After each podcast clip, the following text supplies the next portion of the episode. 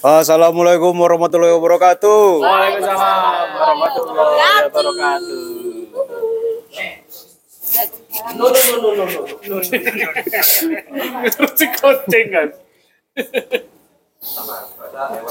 103 ya? Hah? 100 berapa ini? Tiga, empat, satu dia. Oke.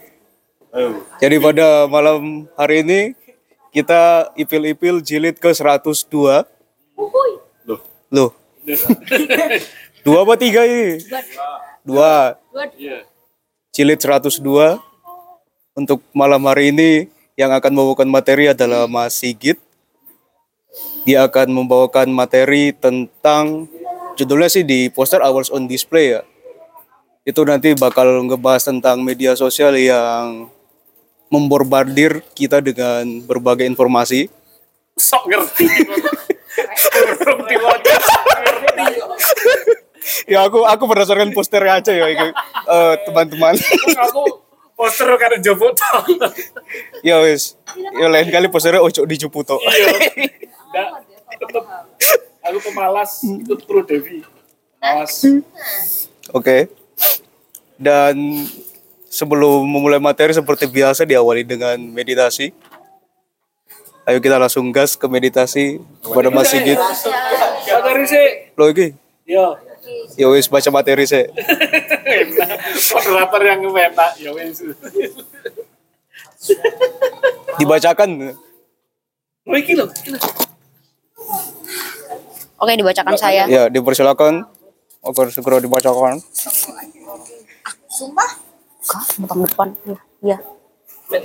Lima lembar. Lima lembar doang kok, sabar ya.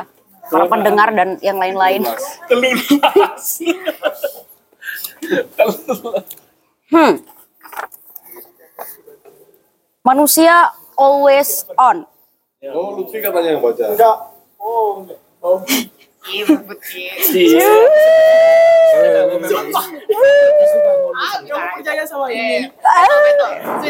Tapi aku nggak mau ngalah. Satu lembar satu lembar ganti-gantian boleh. Oke, manusia always on. Aku terdistract maka aku ada. HP sudah seperti salah satu bagian dari tubuh kita. Mungkin memisahkan diri kita dari HP hampir akan sama sakit sakitnya dengan memutilasi salah satu bagian tubuh. Yang jelas bukan kuku atau rambut loh ya. Ngacung wis, siapa yang pernah dengan menyengaja mendetoks dirinya sendiri dari penggunaan HP? Memetakan semua respon yang dirasakan kalau nggak berjauhan sama ini barang. Usul ini aja udah kayak datang dari orang yang nggak gitu waras. Oke, Devi, Berang-berang makan sate kuda. cakep. Aku terdistract maka aku ada.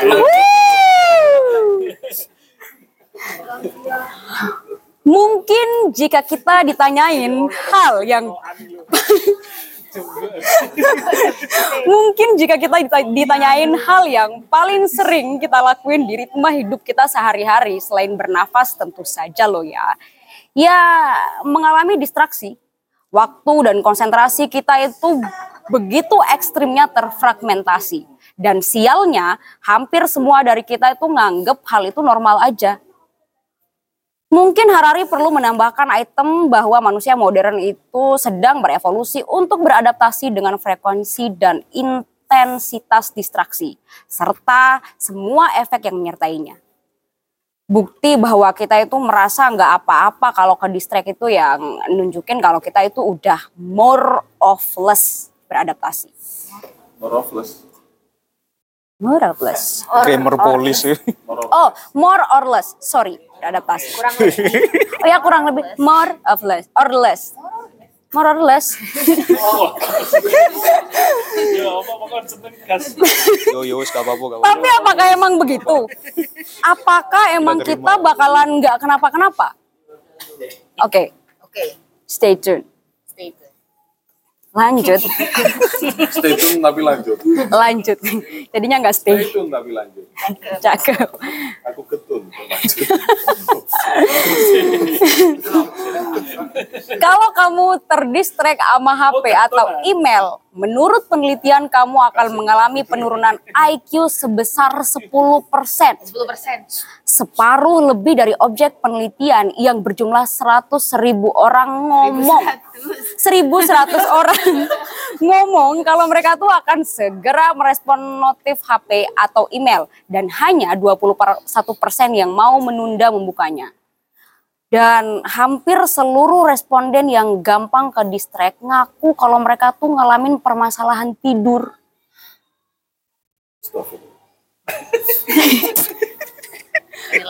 Pernah nggak sih kita itu nyoba ngukur seberapa kuat kita baca artikel? Berapa lembar kita itu bisa konsen baca?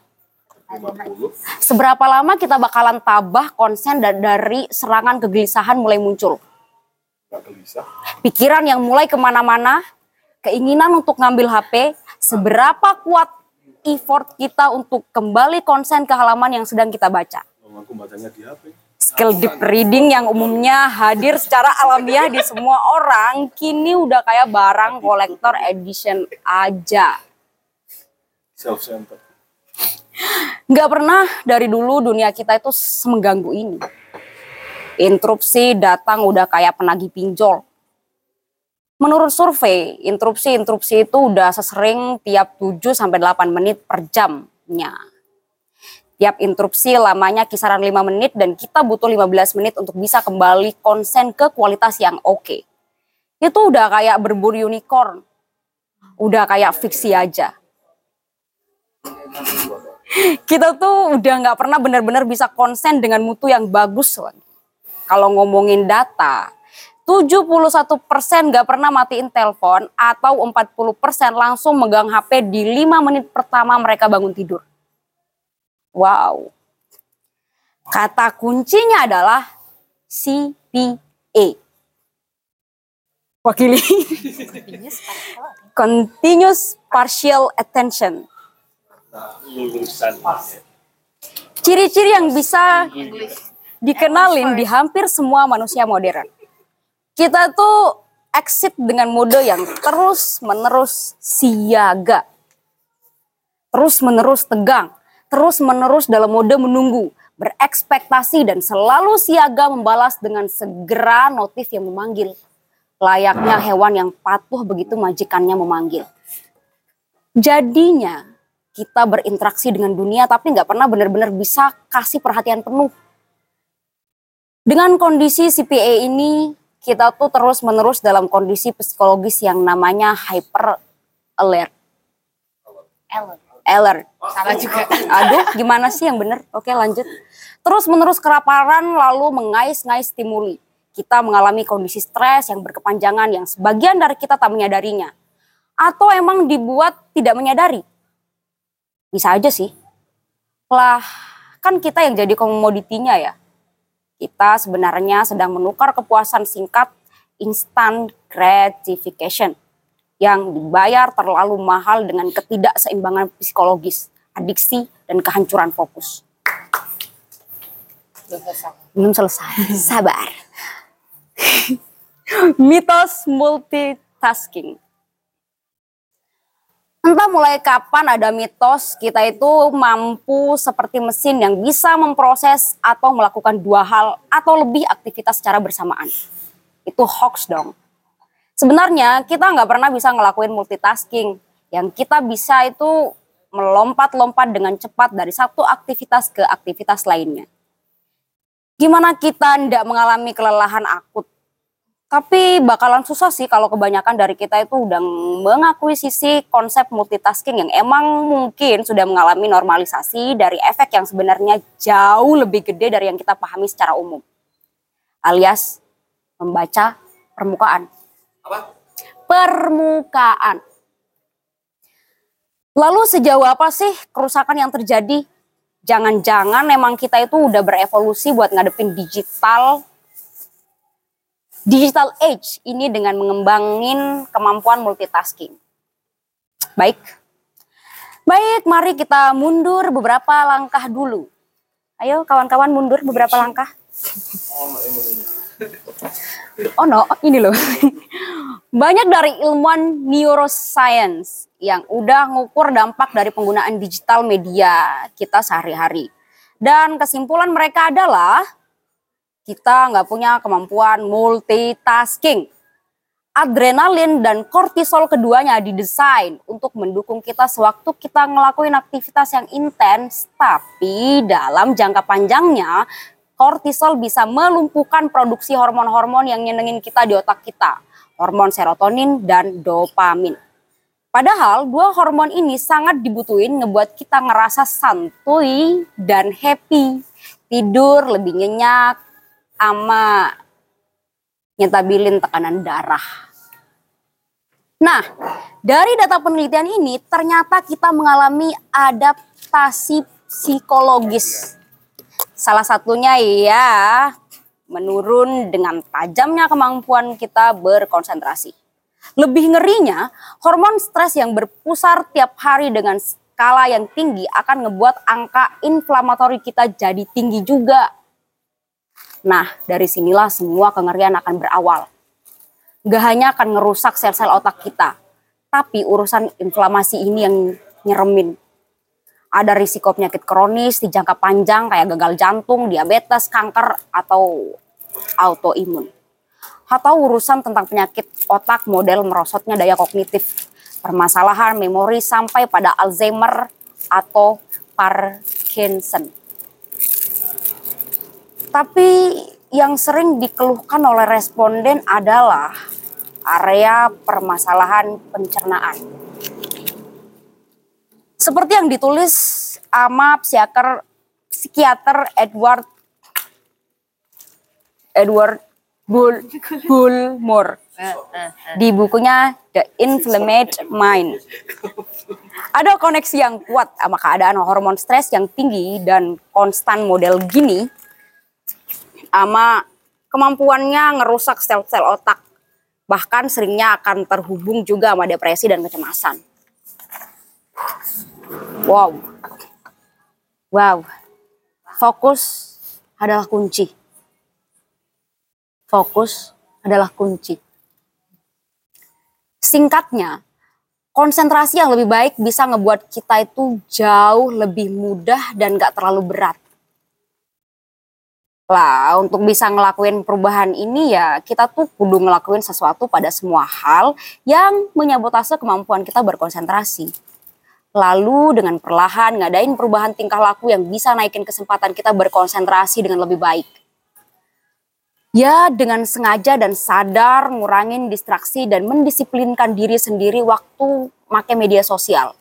Bisa saja loh perubahan ini adalah perubahan yang paling penting di hidup kita demi menyelamatkan kesehatan mental dan kognisi. Kata, kata Jeremy Dean, seorang psikolog dan pengarang buku Making Habits, Breaking Habits, ngakuisisi habit baru itu nggak sekonyong-konyong bisa dilakuin semudah ngebalik telapak tangan, apalagi tangan pacar orang lain. Aduh. Ngerubah habit itu perlu adaptasi yang bertahap. Dimulai dari mematikan notif di HP-mu atau jika perlu me uninstall media sosial lalu mematikan HP dalam jangka waktu yang panjang. Latihan latih kembali secara perlahan konsentrasimu dengan cara ngelakuin apa yang bikin kamu konsen dalam jangka waktu tertentu yang nggak terganggu oleh hal-hal lain yang nantinya bakal jelas kalau kita tuh nggak bisa gitu aja berpindah dari kondisi terdistraksi ke kondisi penuh konsentrasi. Hal yang sama yang terjadi di sebagian besar dari kita yang nggak bisa langsung tidur semenit setelah kepala kita mendarat di bantal. Tapi dengan latihan semua bakal lebih mudah. Yuk, yuk bisa yuk, yuk yuk, yuk bisa yuk. Oke. Ya. Meditasi dan fokus. Waktunya menyerang negara api kembali. Ada upaya yang sederhana menurut Pak D. Jermi untuk meningkatin konsentrasi, yaitu ngelakuin lima lagi. Lima lagi. Sewaktu kamu mau menyerah, lakuin lima lagi. Lima menit lagi. Lima latihan lagi. Lima halaman lagi. Nah, ini akan menjangin fokus. Aturan ini akan ngedorong kamu sampai pada titik frustasi dan ngebangun daya konsentrasi mental. Bagai sekali tembak, dua tiga pacar didapatkan. Hal ini itu selain jadi latihan juga akan bikin kita bisa lebih cepat nyelesain pekerjaan kita. Kritik yang tidak membangun. Cakep. Cakep. Ayo lanjut satu, meditasi. Memutus berbagai distraksi eksternal dan internal nggak bakal mudah loh ya. Belajarlah menjadi lebih mindful, lebih sadar. Berlatih meditasi akan bisa dengan tajam meningkatin daya konsentrasi. Karena secara alamiah merasa lebih damai akan mengembalikan kondisi equilibrium dan fokus. Dua, latihan nafas. Sebagian besar kita itu bernafas dengan buruk, bahkan cenderung berlebih. Mengambil tiga atau empat tarikan nafas hanya dengan menggunakan bagian atas dari kapasitas paru-paru kita. Nah, itu juga sinyal dari orang yang sedang kena stres berkepanjangan. Terus lanjut ke hyperventilation yang nantinya akan memicu panic attack. Latihan menghirup dan menghembuskan nafas dengan perlahan juga sangat ngebantu melepas stres dan meningkatin konsentrasi. Tiga, berhitung. Kamu boleh ketawa kalau metode ini kedengaran lucu. Tapi ya emang begitu menurut eksperimennya. Teknik berhitung menjadi sangat efektif untuk mendongkrak konsentrasi. Coba berhitung mundur dengan kelipatan 7 dari angka 1000. Kita akan dituntut berkonsentrasi secara keras. Kita akan memvisualisasikan angka yang kita hitung. Apa pun yang terjadi, tetap lakukan sampai kita bisa benar-benar bisa fokus. Empat, memandang titik. Duduk dengan nyaman dan cari satu titik di dinding untuk dipelototin. Enggak, enggak. Cukup dilihat aja dengan rileks. Apalagi pas kamu nggak ada yang bakal ganggu. Ya jangan lakuin ini pas nunggu metro mini dan ngeliat titik di baju orang lain. Kamu bakal repot-repot ngejar-ngejar orang itu ntar. Oke, oke, oke. Oke, pastikan titik hitam itu punya diamet- diameter kisaran 2 inci dan ketinggian yang sejajar dengan mata. Fokuskan semua perhatianmu pada titik ini selama kurlap 3 menit. Biarkan semua pilihan pikiran yang muncul pergi dan pergi sendiri. Terus menerus arahkan fokusmu pada titik hitam. Bernafaslah dengan perlahan dan teratur. Nah, latihan ini akan nguatin otot fokus dan kamu akan bisa kembali fokus dengan lebih cepat. 5.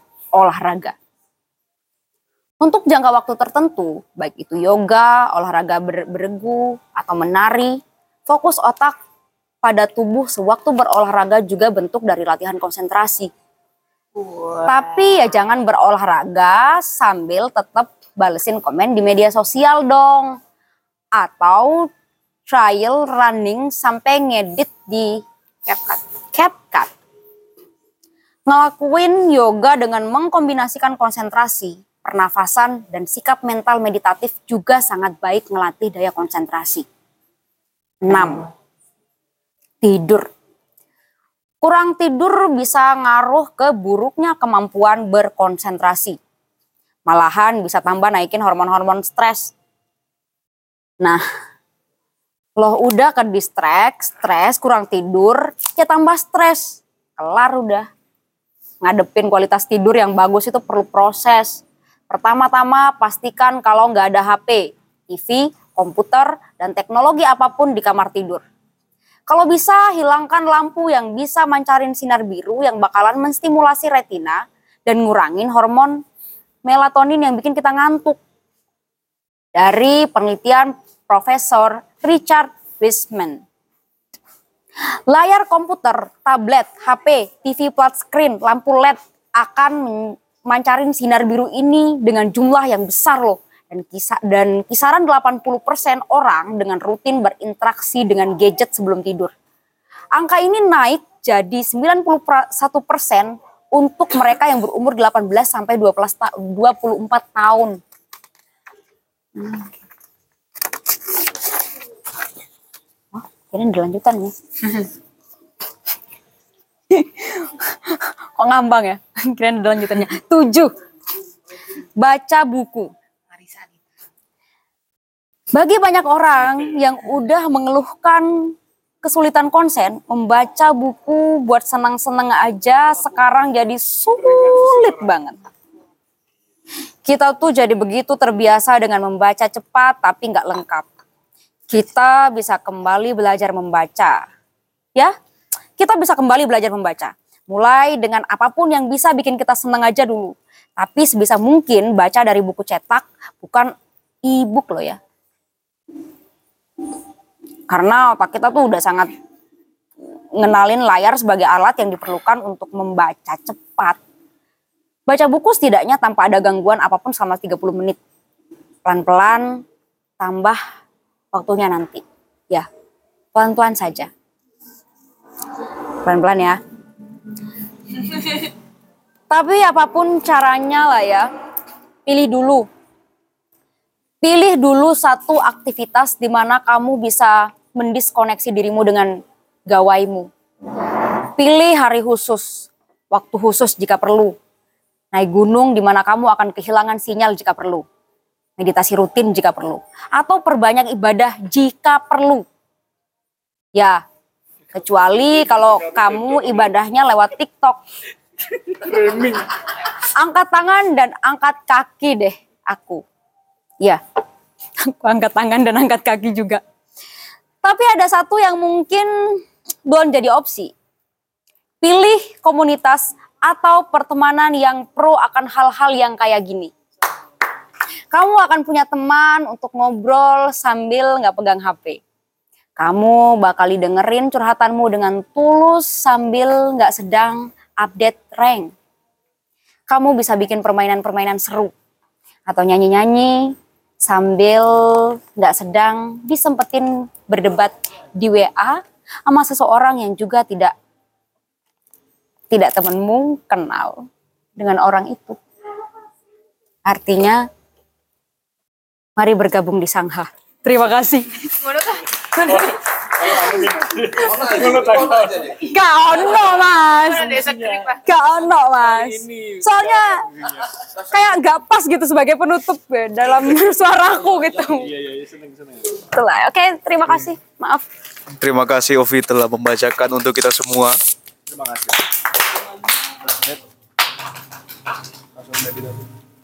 Oh boleh. Oh aku ini. Ya kalau gitu kita langsung ke meditasi. Ya Pak Sigit silakan. Sekarang iku anumu wilayahmu. Terima kasih. Assalamualaikum warahmatullahi wabarakatuh. Waalaikumsalam warahmatullahi wabarakatuh. Hmm.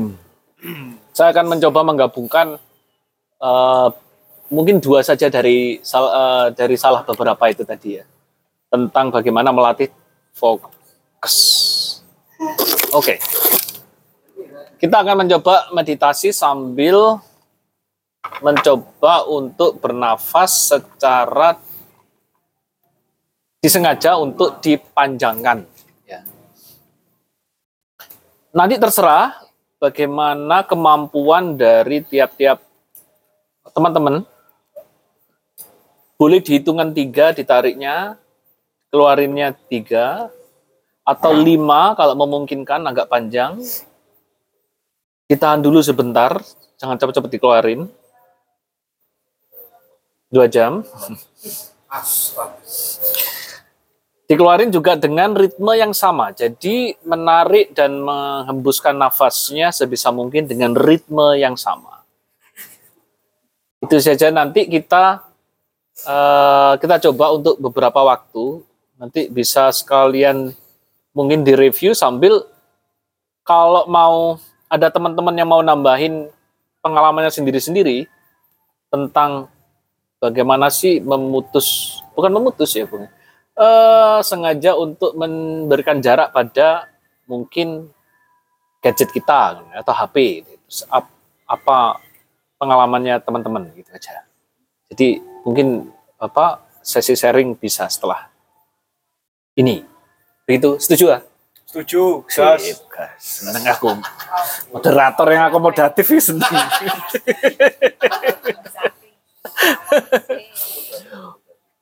Boleh silakan diatur tempat duduknya.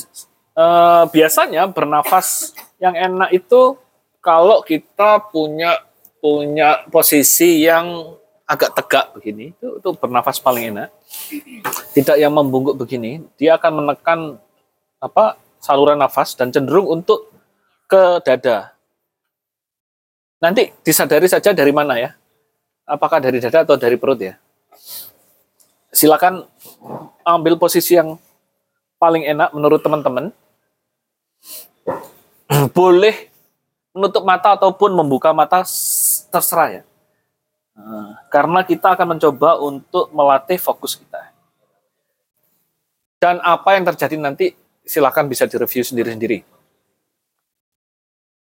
Baik, silakan eh, dienakkan dulu posisinya, diatur dulu.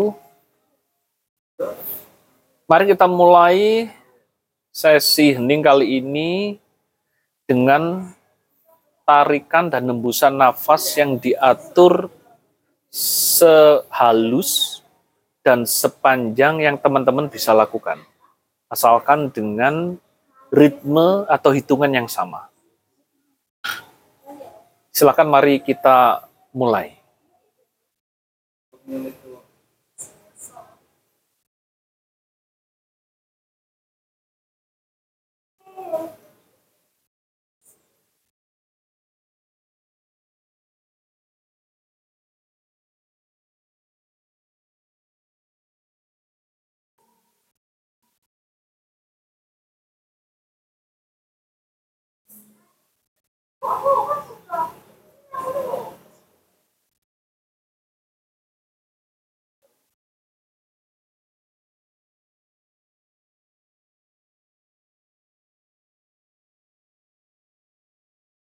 Dicoba direlekskan seluruh bagian tubuh kita dari kepala sampai ke jari-jari kaki kita mencoba untuk merilekskan.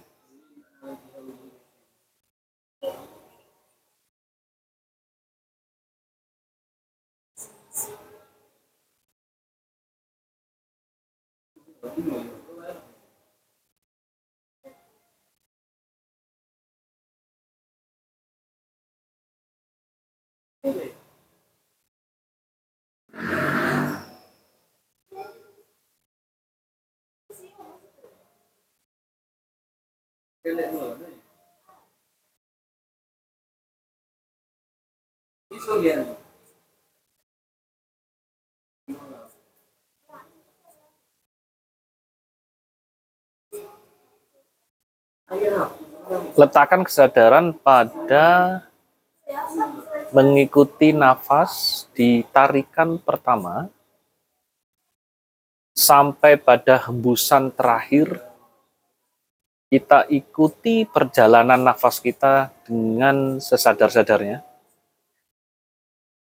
tapi dengan fokus yang rileks tidak terlalu ngotot juga untuk mengamatinya rileks saja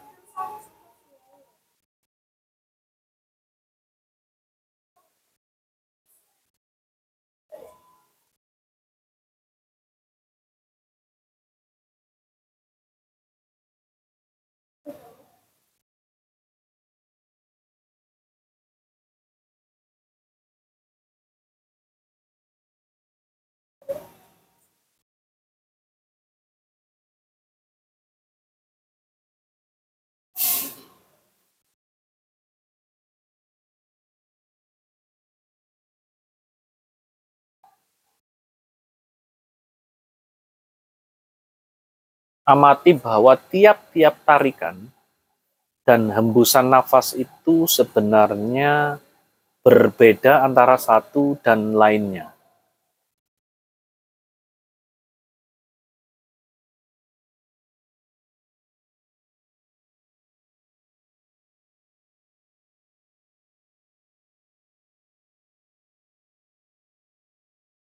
Tidak akan pernah benar-benar identik setiap tarikan dan hembusan nafas kita.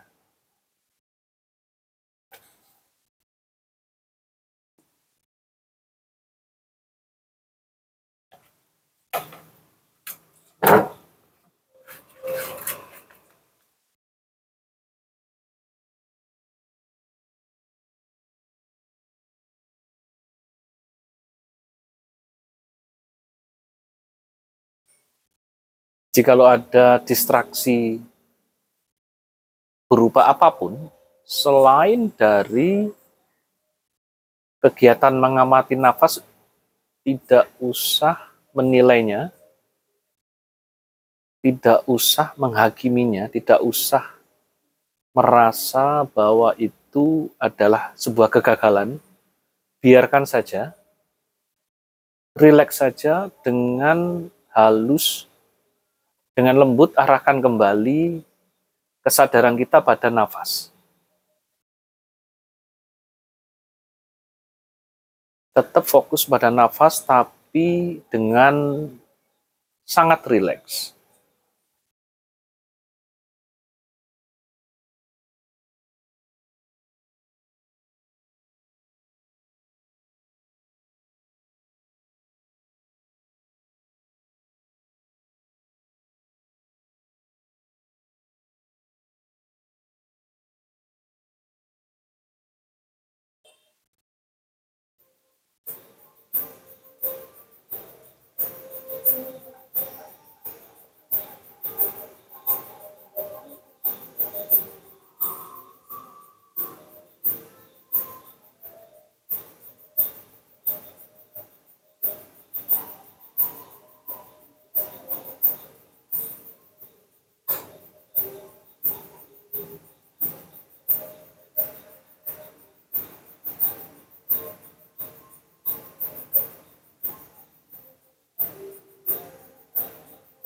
Amati juga bagaimana fokus kita berpindah-pindah.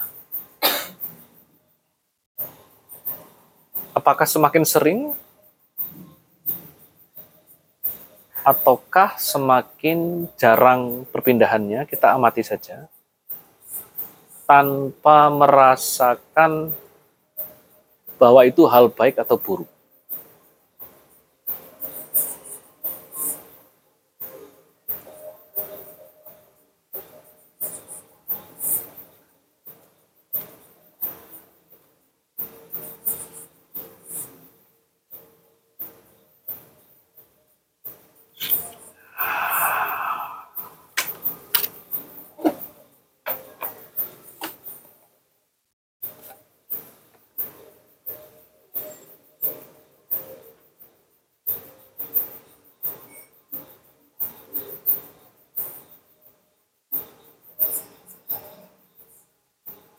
Amati bagaimana aktivitas kita bernafas juga menggerakkan bagian-bagian tubuh kita. Amati intensitasnya, amati frekuensinya, dan amati bagaimana mereka terus-menerus berubah.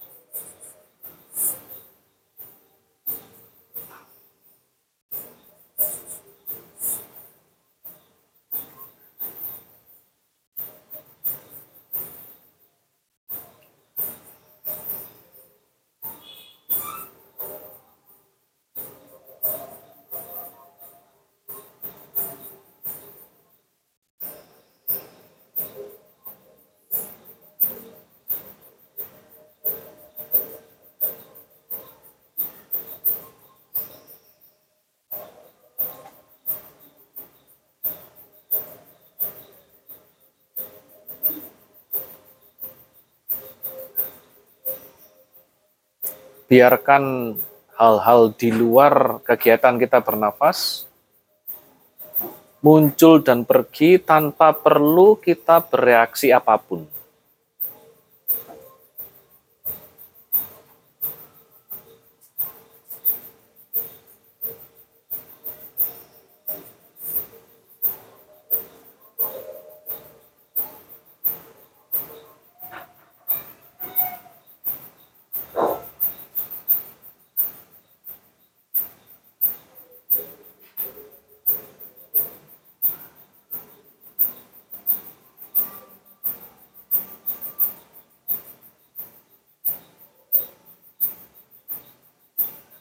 Terima kasih sudah bersedia saya pandu untuk tiga kali tarikan dan hembusan ke depan. Silakan teman-teman kembali ke kondisi normalnya.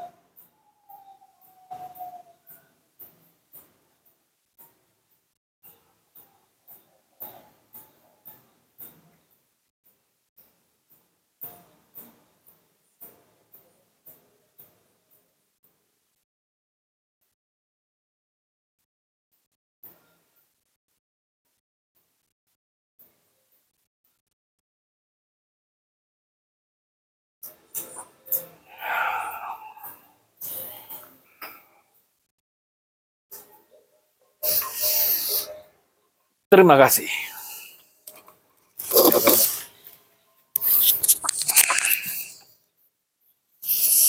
Saya kembalikan kepada Bapak moderator. Oke, terima kasih atas panduannya Mas Sigit. Ini dari Mas Sigit kira-kira mungkin ada mau tambahan dulu apa langsung langsung ke teman-teman yang lain nih? Oh boleh lah. Saya- dari saya aja ya. Em, tadi sebelum sebelum ada adegan makan-makan bareng soto Betawi yang dipersembahkan dan disponsori oleh Bu Ella. Terima kasih Bu Ella. Uh, semoga terus. Terima kasih Bu Ella.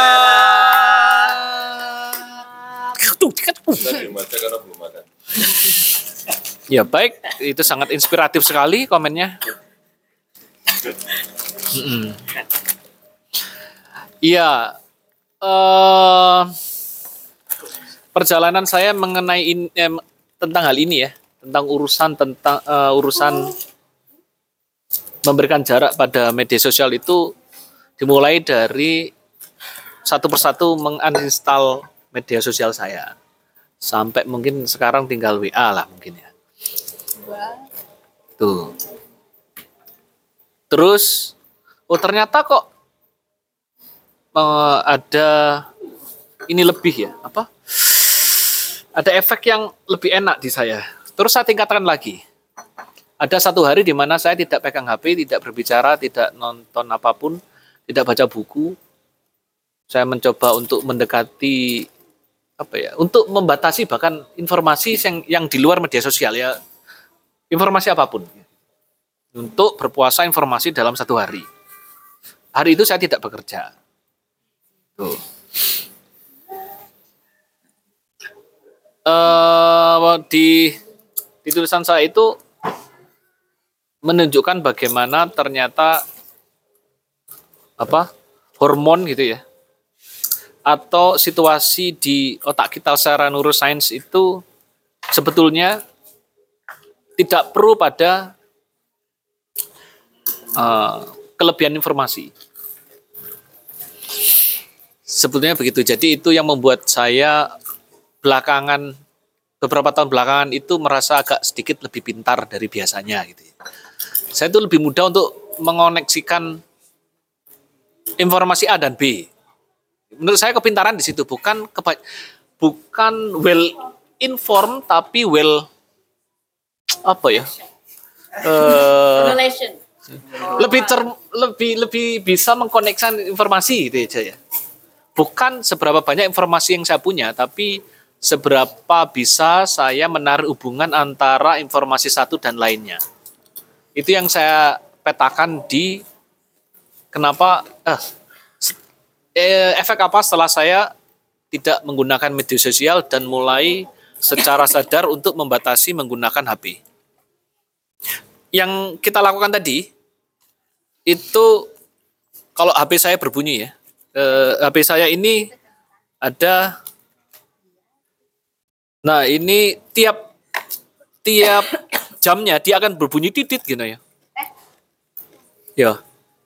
Nah begitu berbunyi maka itu saya akan mencari cara untuk masuk untuk meregulasi eh, atau istilahnya menarik nafas dan bermeditasi se, sejenak. Mungkin lima menit kalau saya waktunya kosong di antara kelas.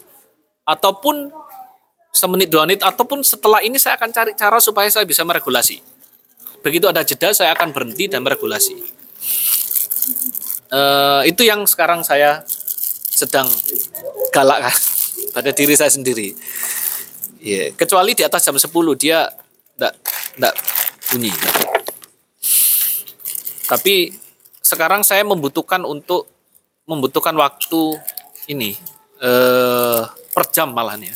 Selain selain em, ibadah dan dan meditasi formal yang rutin. Jadi ini untuk menjaga intensitas karena intensitas. Iya. Biar biar menurut saya posisi equilibrium itu terjaga selama mungkin dan sesering mungkin gitu. Karena saya benar-benar tidak tahu kadang ya. eh saya ini lagi overwhelm apa enggak gitu. Hormon saya lagi tidak stabil atau enggak itu saya kalau tidak yang over banget kita enggak tahu gitu. Saya enggak tahu. Jadi kalau apalagi kalau sudah terbiasa bahwa diri kita itu stres gitu, ya, kita akhirnya tidak stres, merasa tidak stres sampai pada puncaknya terus baru tahu. Kena panic attack baru, oh iya ini sudah puncak ternyata. sudah hang ngono ya. Dan blue screen of death itu baru. Oh iya, ding dung dung dung baru ngono. Tapi itu lewat anu medik. ding dung dung dung lewat medik. Powernya dipencet rodok suwi. Iya. Itu yang sekarang saya sedang sedang lakukan karena eh ini ini pernah saya omongkan dengan dengan Aan ya. Eh, jadi ada ada eh, seorang tokoh spiritualis India itu mengatakan kapan sih kapan sih waktu idealnya orang untuk bisa tetap dalam situasi meditatif state gitu. Dia mengatakan 40 ha- 40 kali dalam sehari. 50. Berapa? 50. 50 apa 40, guys? Piro? Iya wis ngono lah wis. Iya wis ngono ya. 50. Hmm. Iku saya langsung teringat pada apa perintah sholat pertama yang sebelum di dijadikan lima kali gitu ya. Jadi jangan-jangan kalau sholat itu bisa mengantarkan kita pada situasi meditatif maka ya sepanjang itu harusnya se- sehari gitu. Idealnya gitu kan itu ideal. Terus sekarang ini ini ini, ini jadi lima ngono ya. Kita nggak tahu bentuk yang ideal kema- eh, dulu itu itu seperti apa anunya ya eksekusinya gitu ya. Nah saya terin- terinspirasi itu aja. Begitu Mas Adit silakan saya kembalikan terserah ini mau dibawa ke mana mau dibawa Ke mana-mana ke wawan. terima kasih Itu anjir. Di sini? Kayaknya oh iya. kono Kan udah ada yang yo Oke, makasih atas tambahan dari pengantarnya Mas Sigit. Kalau sekarang mungkin saatnya dengar dari teman-teman kesannya itu gimana setelah mendengar materi yang dibacakan oleh Ovi, meditasi dari Mas Sigit dan tambahan pengantar tadi. Mungkin kita mulai dari Ovi. Dari Adit dulu dong. dari Adit dulu dong Moderator bukan yang terakhir ya biasa. kita Adit biasa Aduh, kepapanan memang luar biasa, Bro.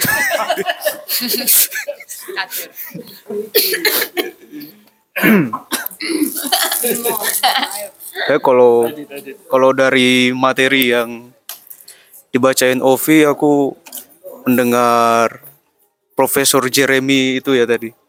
Jeremy Fasolasido Jeremy tadi bukan.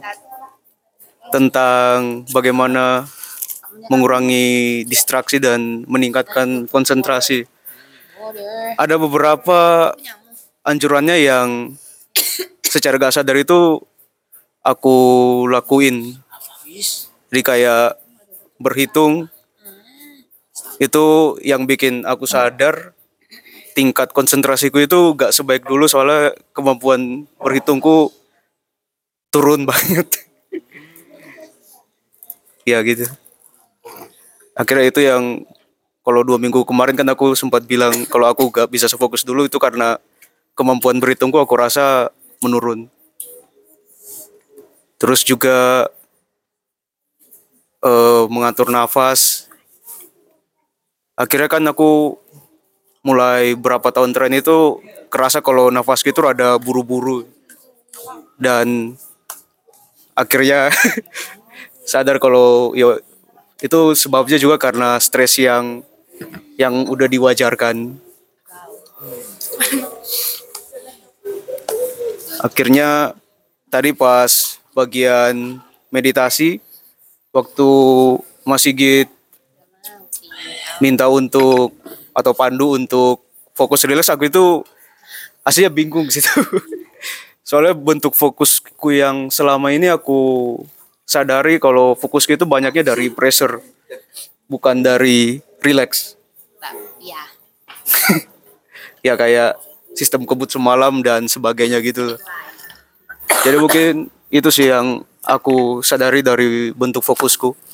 Fokus relax bisa tapi kalau aku bandingkan persentasenya dibandingkan fokusku yang timbul karena pressure itu jauh banget. Jadi flow ya, ya flow lagi.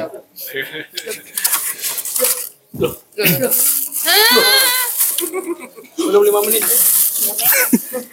terus untuk pengurangan distraksi. Anggur nih. Kembali ke distraksi ya. Iya. Aku sambil ingat-ingat iki pengurangan distraksi lihat aja iki sempat nyoba uninstall media sosial ada satu sih yang diinstal ulang ya ya IG ya? Dia admin ternyata. iya gara-gara itu Karena admin. Yesus. ya tapi yang lainnya tetap bisa ke uninstall ulang eh ke uninstall terus ya gak ke uninstall ulang. Dan akhirnya benar-benar ngebantu sih untuk fokus konsentrasinya bisa lebih lama. Dan terkait distraksi aku kayak kalau untuk sekarang ini paling banyak dari YouTube Short sih. Dan cara aku buat yang secara sadar untuk ngefilter itu sering-sering nge-skip informasi yang aku rasa gak bakal bantu aku di hari itu. Misalnya konflik tentang. LGBT yaitu Rusia itu bakal aku skip. LGBT di AS demo-demo apa feminim di sana yang minta gajinya disamakan kayak laki-laki itu kebanyakan aku skip sekarang soalnya menurutku itu gak bakal berguna atau terhubung sama apa yang mau kulakuin di hari itu? Ya gak gak sepenuhnya bisa sih tapi ya mulai. Iya tapi sejak mulai dilakuin ya lebih enak sih.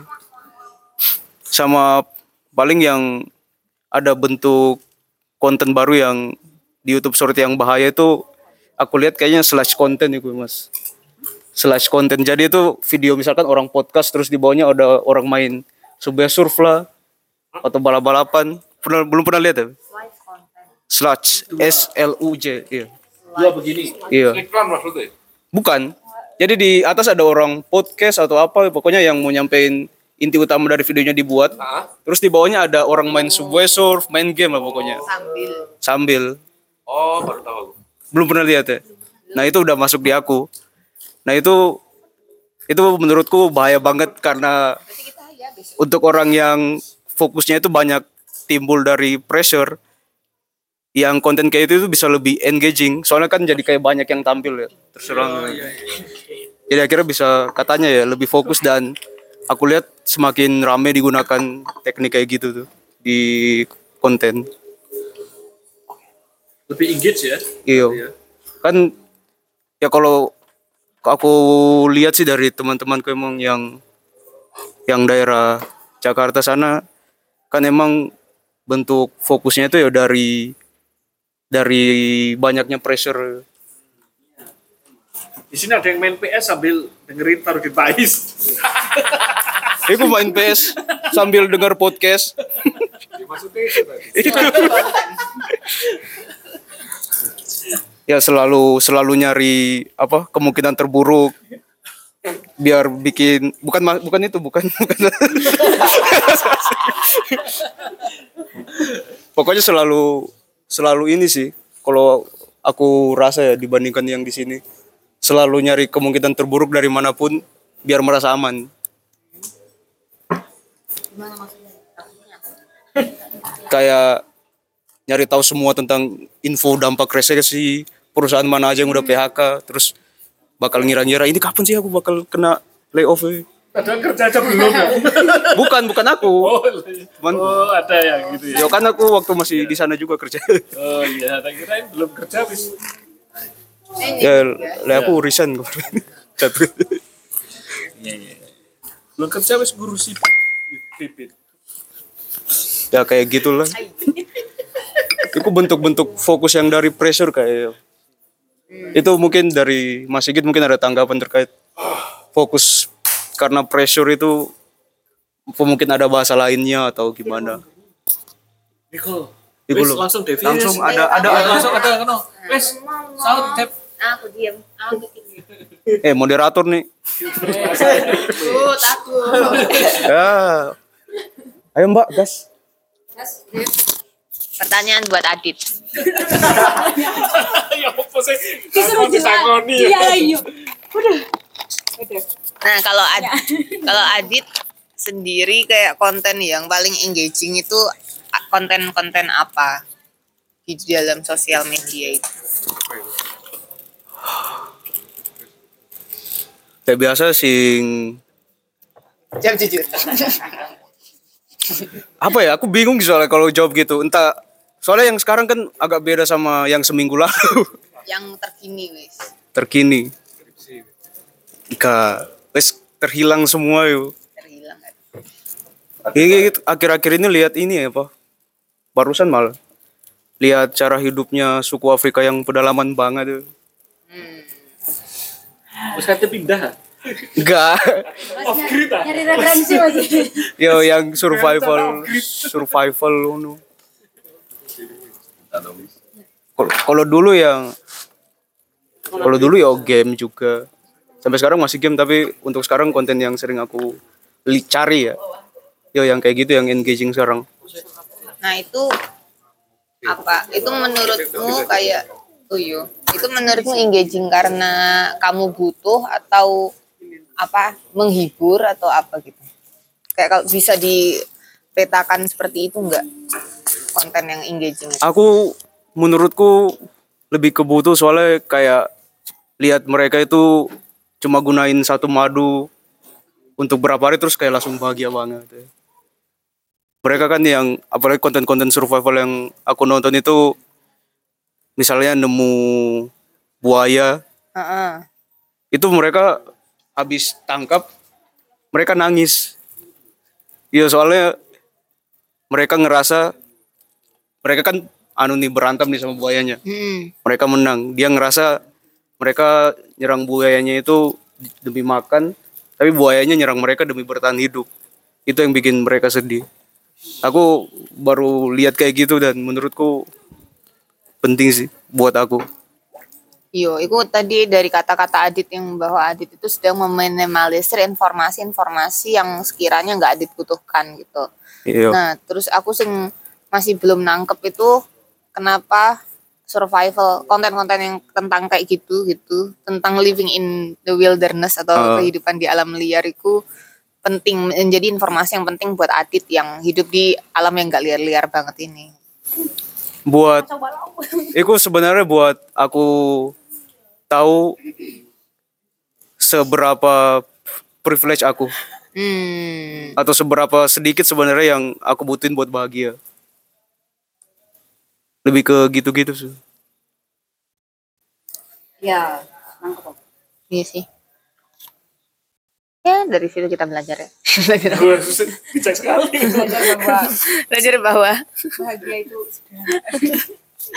Sesederhana menemukan madu. iya simple.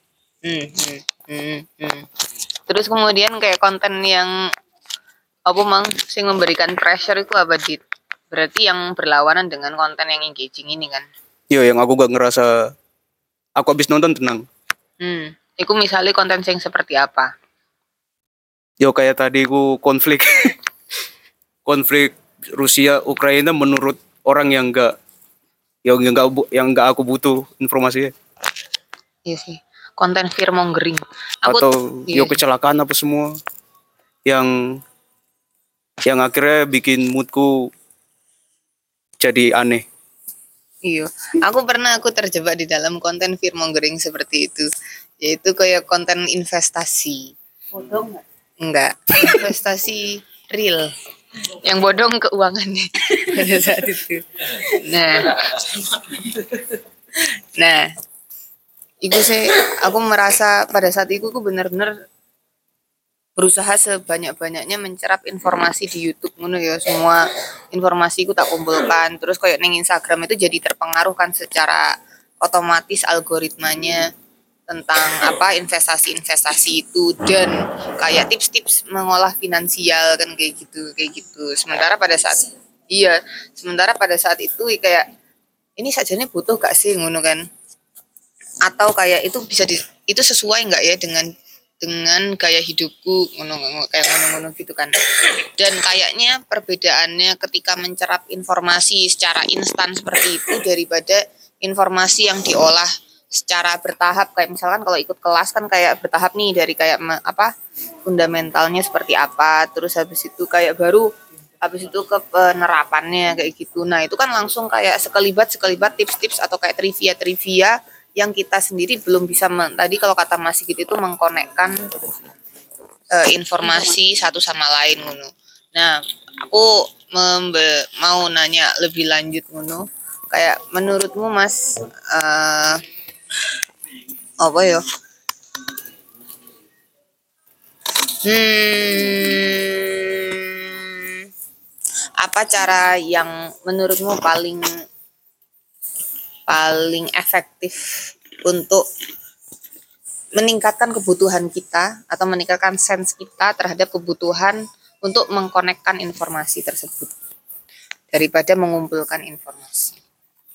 ya aku untuk untuk apa untuk lebih mudah memahami ini artinya flimonger itu apa sih Fear, Fear ya? Fear artinya monger itu- ketakutan, mongering artinya apa mas? Mesti nanya. Ayo ah.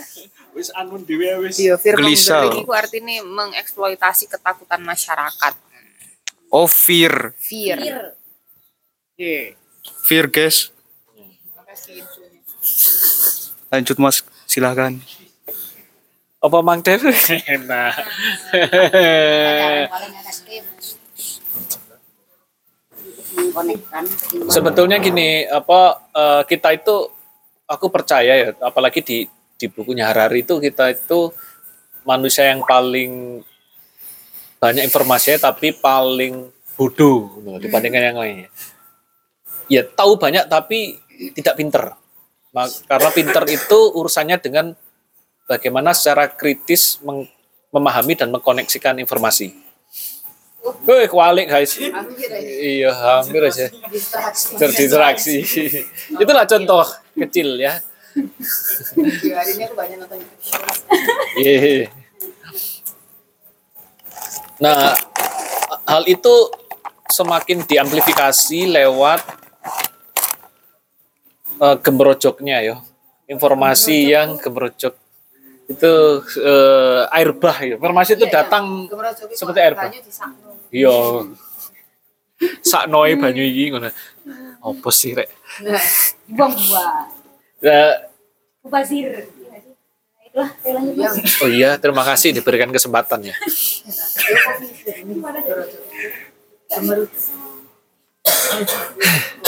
anu eh kemer- sebetulnya kemerdekaan itu dari sana. Saya merasa harus harus meraih kemerdekaan saya dengan cara untuk mampu secara sadar bilang stop dan secara sadar saya itu mampu eh, menilai kalau saya ini lagi overwhelm informasi ini. Kenapa? Gelisah yang nggak jelas. Eh, Pandemi itu membantu banget ya. Seminggu pertama pandemi itu saya agak kalut memang. Tapi ternyata eh, setelah saya mulai membatasi dan mulai berdiam gitu ya, akhirnya bisa mengurai sedikit. Oh ya ternyata memang eh, ketakutan ini bisa sebegitu dibesarkannya gitu ya. Dan memang kita bisa takut beneran akhirnya, kita bisa jadi pan- panik. Apa butuhnya? Sebetulnya butuhnya it, butuhnya itu begitu kita perlu eh, secara secara efektif untuk melakukan sesuatu yang kita mau lakukan. Contohnya gini, em, kita itu mau secara efektif bekerja gitu, ya. maunya sih bekerja eh, secara efektif, tetapi ternyata berangkat di tengah jalan ini sudah re- rempong ngono ya. Sudah marah-marah, sudah sudah apa, buruk. Apakah kita di kantor mampu untuk tetap bekerja secara optimal? Atau kita mas ini ono sing sekolah, oh iya ono, Aduh. sorry, setua kabeh, karena si sing sekolah. Oh, oh iya. Iya ya Bayu ya gurung lali aku yu. Astagfirullah, kon ya gurung yu, cek tuweke kon yu. Saya masih menginginkan saya mampu untuk secara optimal. Gitu ya. Eh, saya mau saya mau apa memberikan menurut saya perhatian yang terbaik, otak saya yang terbaik pada murid-murid saya itu itu bentuk menurut saya bentuk mungkin aktualisasi saya ya modelnya. Maka saya akan melakukan cara biar optimal dulu ketemu dengan murid saya. Itu menurut saya karena dorongan apa? Karena dorongan biar efektif saja melakukan ses, apa itu sesuatu gitu loh, Dep. Hmm. Menjawab gak apa? Ya. Nah, jawab. Ya, iya, aku jawaban nih. Jawab. Iya. Terus, anu no wis, Ini. kuburan wis. Apakah berarti maksudnya itu maksudnya maksud itu adalah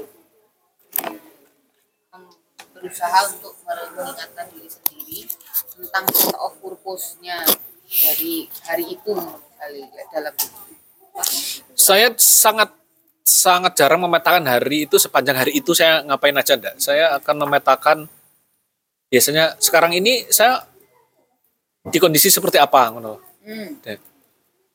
Kalau hari itu mungkin iya, saya berangkat ke kantor misalnya gitu ya. Ya itu sudah normal bahwa di kantor saya harus fit. Kalaupun tidak fit secara mental maka di kantor eh, lebih baik saya masuk lebih dahulu misalnya 30 menit lebih dahulu terus di sana memproses diri saya agar siap bekerja. Hmm. Tapi memang sense of purpose-nya mungkin kalau harus meng-highlight itu saya mau merdeka saja. Gitu. Karena banyak automatisasi yang mungkin kita saya ya otomatisasi otomatisasi yang mungkin saya ini tidak sadari itu dipicu oleh hal-hal yang yang ternyata sebetulnya itu kita berinteraksi dengannya dalam sehari-hari ngono loh. hmm. Hmm. Hmm. Delok konten kucing misalnya gitu. Saya enggak punya kucing nih. gitu. Delok konten kucing apalagi apa ternyata itu men-trigger mood kita hari itu menurut saya ya nggak efektif. Saya agak setuju dengan Adit. apa Untuk menyadari sebetulnya pada posisi itu saya ingin menyadari situasi saya bagaimana terkininya. hmm. Kira-kira efektif gak sih? Mempertanyakan ulang Ngono sih. Dev. Oke. Pertanyaan selanjutnya untuk Bu Ella. Nah, jadi jadi gini Bu. Menurut Mulai mengambil peran orang. Mulai mengambil Mulai mengambil peran Adit. bukan, bukan gitu. Ini pertanyaan dari Devi. Nah, jadi gini Bu. Menurutku kayak di umurku kan memang kayak dari muda itu sudah anak sosmed gitu loh. Nah, Ibu Bu Ella ini kan di umur yang sudah berumur itu baru muncul tuh sosmed. Nah, menurut Bu Ella bedanya sebelum ada sosmed kayak WA gitu, kayak persebaran info di grup-grup WA itu dengan sesudah itu itu menurut Bu Ella perbedaannya itu gimana? Saya eh, sekedar bercerita. Boleh dong. Tapi tapi tolong di di Balikan, tolong direm kalau saya terlampau eh, panjang. Masih ya, terima kasih. Oh, alah. Alah. Terima kasih Bu. Oh iya iya. iya. Sudah Betawinya Pak. Komennya silakan. Iya, eh, saya merasakan dengan kehadiran sosmed atau mungkin Wow. Wah. di di era apa ya milenial ya. Iya. Ya kak, saya kan generasi jadul, generasi kata anak sekarang kolonial saya. Ada istilah gitu.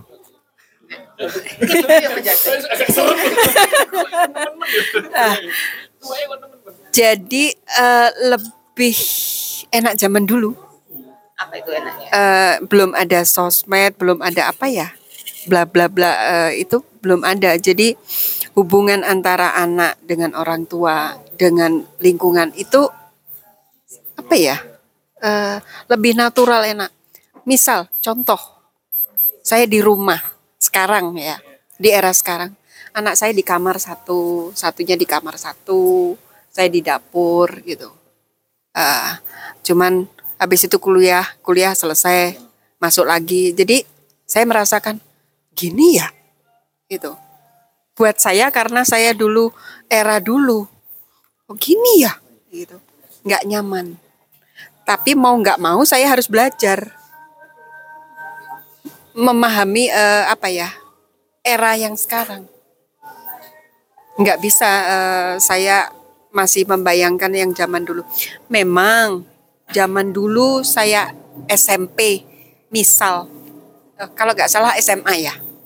Di zaman saya SMA itu eh ada guru masuk kelas gitu. Kamu, kamu, kamu dipanggil ke kantor gitu kan. Ada dua tiga orang. Itu sebagian orang eh, anak-anak yang duduk itu, eh soporek, soporek, nang kantor kono, ayo. Satu kelas tuh geruduk semua gitu. Karena merasa teman kita dipanggil nggak ada apa-apa, ayo. Jadi apa ya? Setia kawanan, eh, empati, respect. Gitu zaman dulu. Terus ada lagi kejadian eh, apa? Perpisahan itu nggak boleh keluar kota. Waktu itu ke Jogja. Waktu saya SM, SMP SMA. Nah harus di Malang di lokalisa eh, di daerah enggak enggak. Di daerahnya angkatan laut. Di daerahnya angkatan laut. Kepleset mas. Nah di angkatan laut. Berarti kan anak-anak itu kan nggak bebas karena di area situ. Nah kelas saya itu berontak. Jadi ada mobilnya kepala sekolah itu dilemparin batu penyok kan? Kadang pakai tapi bukan satu orang banyak. Jadi satu dipanggil semua itu itu misalnya. Eh, terus terus ada ujian SMA kelas lain dapat ujian gitu. Kita ma- apa jam istirahat keluar cari bocoran. Sini. Pada ngerpek semua. Jadi kebersamaan itu yang membuat saya enak ya terus bolos bolos satu, bolos semua. Jadi eh, di era sekarang kan enggak. Buat saya, saya melihat sekeliling saya, nggak tahu yang udah asik gini aja gitu. Saya juga akhirnya begini. Saya sempat diprotes, Mas. Jadi saya karena ke anak saya kemarin berapa bulan yang lalu. Ibu kalau di rumah asik aja main YouTube. Dia nggak ngerasa bahwa dia itu begitu. Saya itu, oh ya ya ya ya. Saya diam aja. Oh ya. YouTube yang yang saya lihat kan roti. Saya bilang gitu. Nanti saya praktek mereka makan bersama. Oh ya ya ya. Ya nggak apa-apa masukan untuk saya. Nah saya juga mau belajar meninggalkan apa yang tadi eh, berapa jam lah. Tapi masih susah mas. Pingin sih. Saya harus membayangkan zaman dulu. Sekarang kayak makanan kekinian banyak. Singkong yang kayak dulu kan sudah jarang. Polo pendem. Nah, jadi kalau jujur era dulu enak sih buat saya. Tapi yang anak sekarang, saya sering cerita ke anak saya yang zaman dulu. Saya ikut anggota Karang Taruna juga di kampung. Gitu. Kalau anak sekarang kan bukan anak sekarang ya, anak saya aja nggak tahu. Saya ikut ikut Karang Taruna. Kalau Agustusan kita persiapan rapat gitu. Saya gitu. Eh, jadi ya sekarang dibentuk zaman dulu ya nggak bisa ya. Saya harus mengerti eh, zaman sekarang gimana sih. Kadang-kadang bukan kadang-kadang sering saya eh, diskusi atau ngobrol sama anak saya laki-laki sama Dila gimana sih gitu. Per- eh, orang menikah zaman sekarang tuh gimana sih gitu. Saya nanya. Oh gitu, oh gitu. Saya dapat ilmu gitu jadi gimana sih oh gini oh gini gini gini oh gitu kayak gitu karena pernikahan zaman dulu sama sekarang kan beda. Gitu. Jadi saya intinya generasi dulu saya belajar untuk diskusi atau eh, memahami yang zaman sekarang gitu. Tapi yang baik-baik ya. Mau nanya Bu, itu aja. Mau nanya Bu. oke. Kan tadi Ibu kan sudah tahu main YouTube itu seperti apa atau bagaimana gitu kan, main media sosial lah. Nah, belakangan ini konten apa yang sering Ibu Ella akses atau cari gitu di media sosial seperti YouTube? Dan seberapa jauh itu berpengaruh atau mempengaruhi ibu dalam sehari-hari, dalam kesehariannya ibu? Hmm, pastinya karena saya sering meditasi ya, saya eh, melihat YouTube yang eh, nambah ilmu lah, melengkapi itu. Terus sebelum meditasi saya melihat di YouTube itu kuliner. Eh, gimana sih bikin roti yang empuk karena Asia sukanya yang empuk. Mengaculah ke caranya orang Jepang gitu aja. Terus mengenai satwa saya sekitar itu. Terus kucing karena saya suka tapi bukan kucing aja. Anjing segala macam disiksa segala macam itu. Saya mel- suka melihat itu. Terus kehidupan di desa saya itu aja ya seputar itu senang juga. Gitu. Sebetulnya ada yang cerita ke saya dulu. Eh, apa-apa itu kayak TV atau game segala macam itu bagus. Kayak ibaratnya kayak pisau lah. Kan itu untuk mengiris makanan. Tapi kalau disalahgunakan ya berbahaya. Untuk bunuh untuk saya pikir saya punya pikiran begitu sih YouTube ada sisi positifnya tapi mungkin ya dapat kritikan cuman gini mas mbak-mbak ya. Saya dengan bapaknya anak-anak ini eh, demokratis ya. Saya bisa dikritik anak saya. Saya diajari, dikritik, diprotes, enggak apa-apa. Pak, jangan gini pak. Saya juga digitu, pak gini. Nggak apa-apa. Waktu itu eh, bapaknya Farid, nggak usah panggil bapak, panggil nama aja. Kayak bilang, uh gitu ya. Jadi saya di era saya ataupun saya ada beberapa orang eh, menanamkan anak demokratis nanti negatifnya anak jadi kurang ajar. Enggak tuh. Bapaknya anak-anak bilang enggak. Ini betul-betul Nah. diambil, nggak pakai pak. enggak dia dia ngasih itu nah cuman gini satu lagi. Saya dengan bapaknya anak-anak kalau salah ke anak saya minta maaf.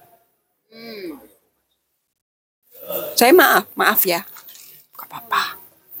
Mungkin sampai sekarang itu. Ini saya. Ya biarpun seumur tua gini kan aku manusia juga punya hilaf juga. Itu aja. Jadi eh, makanya bapaknya Farid ikut masuk ke Facebook Facebooknya Farid. Saya tanya kenapa sih? Biar tahu temennya itu anak-anak muda gimana sih? Gitu. Gitu. Kita pahamnya udah gitu. Jadi bukan karena meditasi. Sudah gitu nah kebetulan eh, ketemu ini kayaknya nyaman enak ya. Heeh. gitu.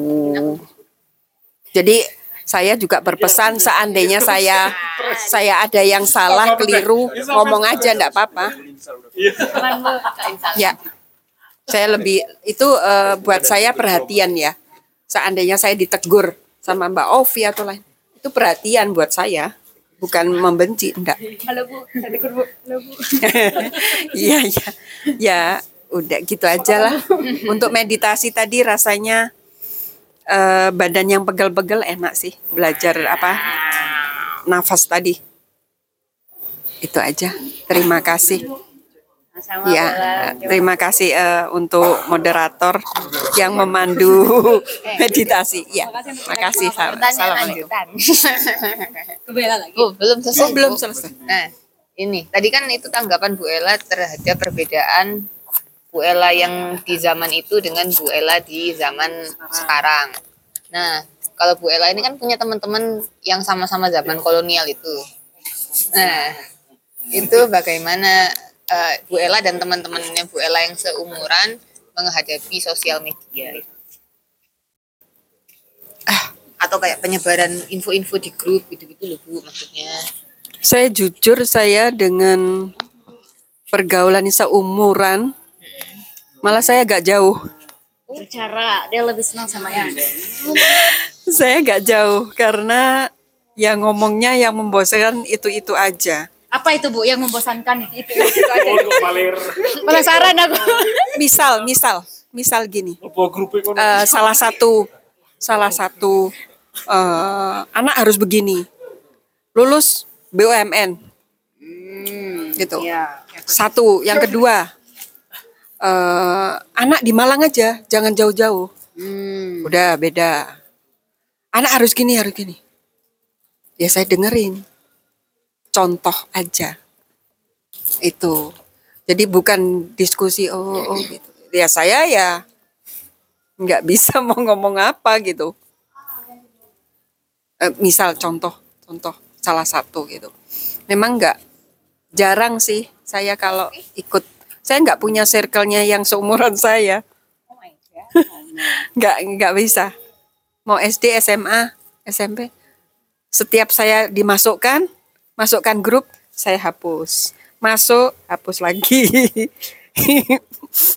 Akhirnya nggak nggak bisa saya, nggak tahu ya, gitu loh, nggak bisa. Jadi kalau circle saya eh, ibu-ibu yang 70 60 ke atas. Itu saya lebih lebih enak. Misalnya eh Mbak, tolong anterin ke sana ya, saya tuntun. sehat-sehat ya Bu ya. Itu aja. Tapi kalau seumuran saya, nggak deh.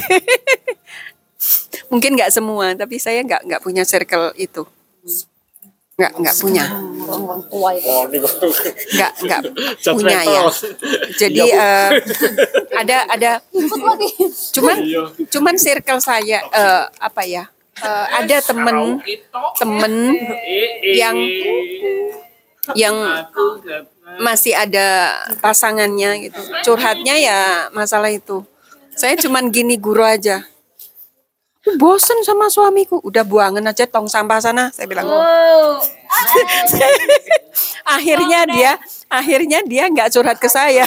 Jadi saya cuman ngomong seenaknya aja. Karena eh, sering dia curhat gitu kan.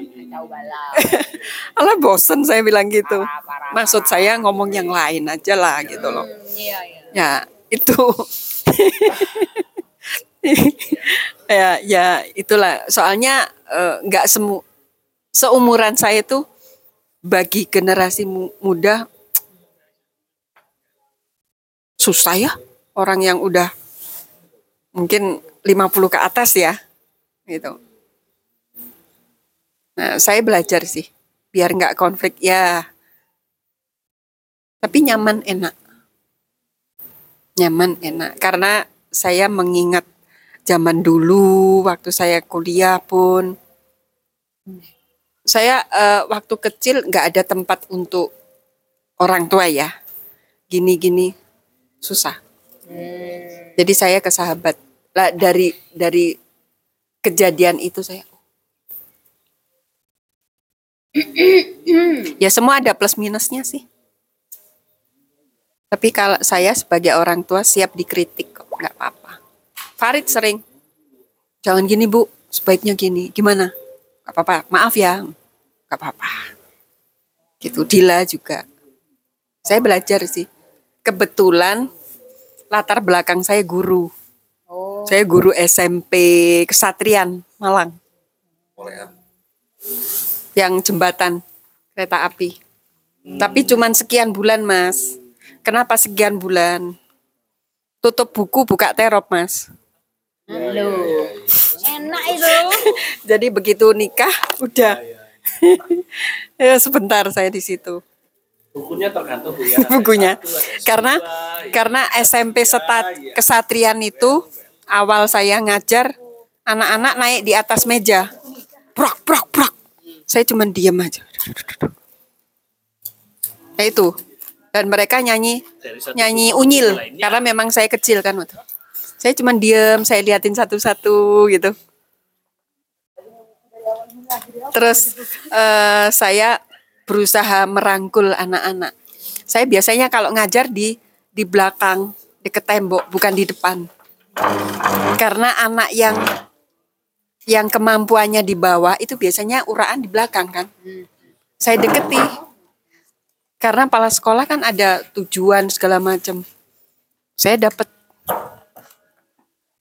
Nah itu, itu eh, story saya. Akhirnya saya belajar.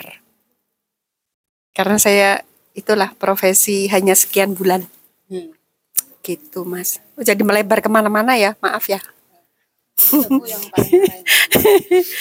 nah itu, jadi eh, dari saya ngajar itu ternyata murid saya waktu saya ngurus pernikahan itu murid dari SMP Satrian datang ke rumah. Berapa orang gitu loh. Kata orang tua saya, kamu tadi dicari murid kamu, kamu ke mana? Saya ketawa aja sama orang tua saya. Oh berarti dicintai saya sama murid saya, dikangenin gitu. Gitu.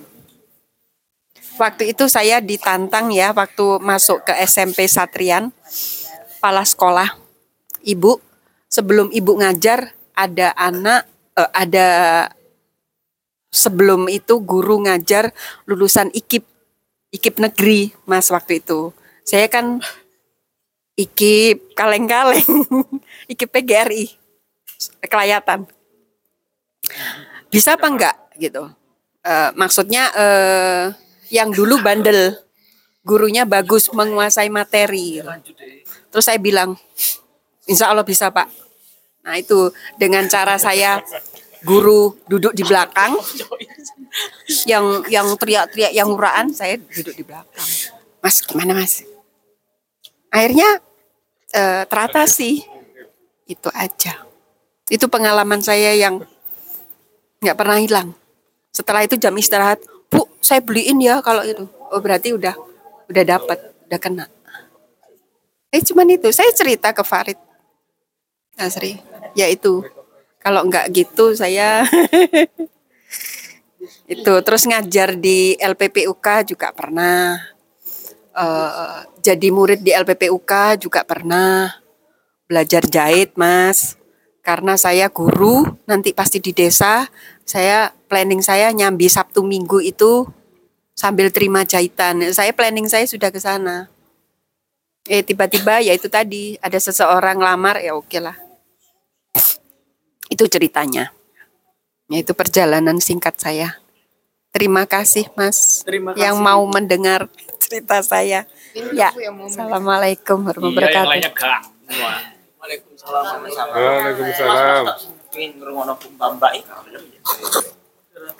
Loh, iki lo moderator. Nambah? Terima kasih sudah menjawab pertanyaan saya Bu Ella. Saya kembalikan lagi kepada moderator saya yaitu Adit. Iya itu Adit. Adit. Adit. Di sebelah kono.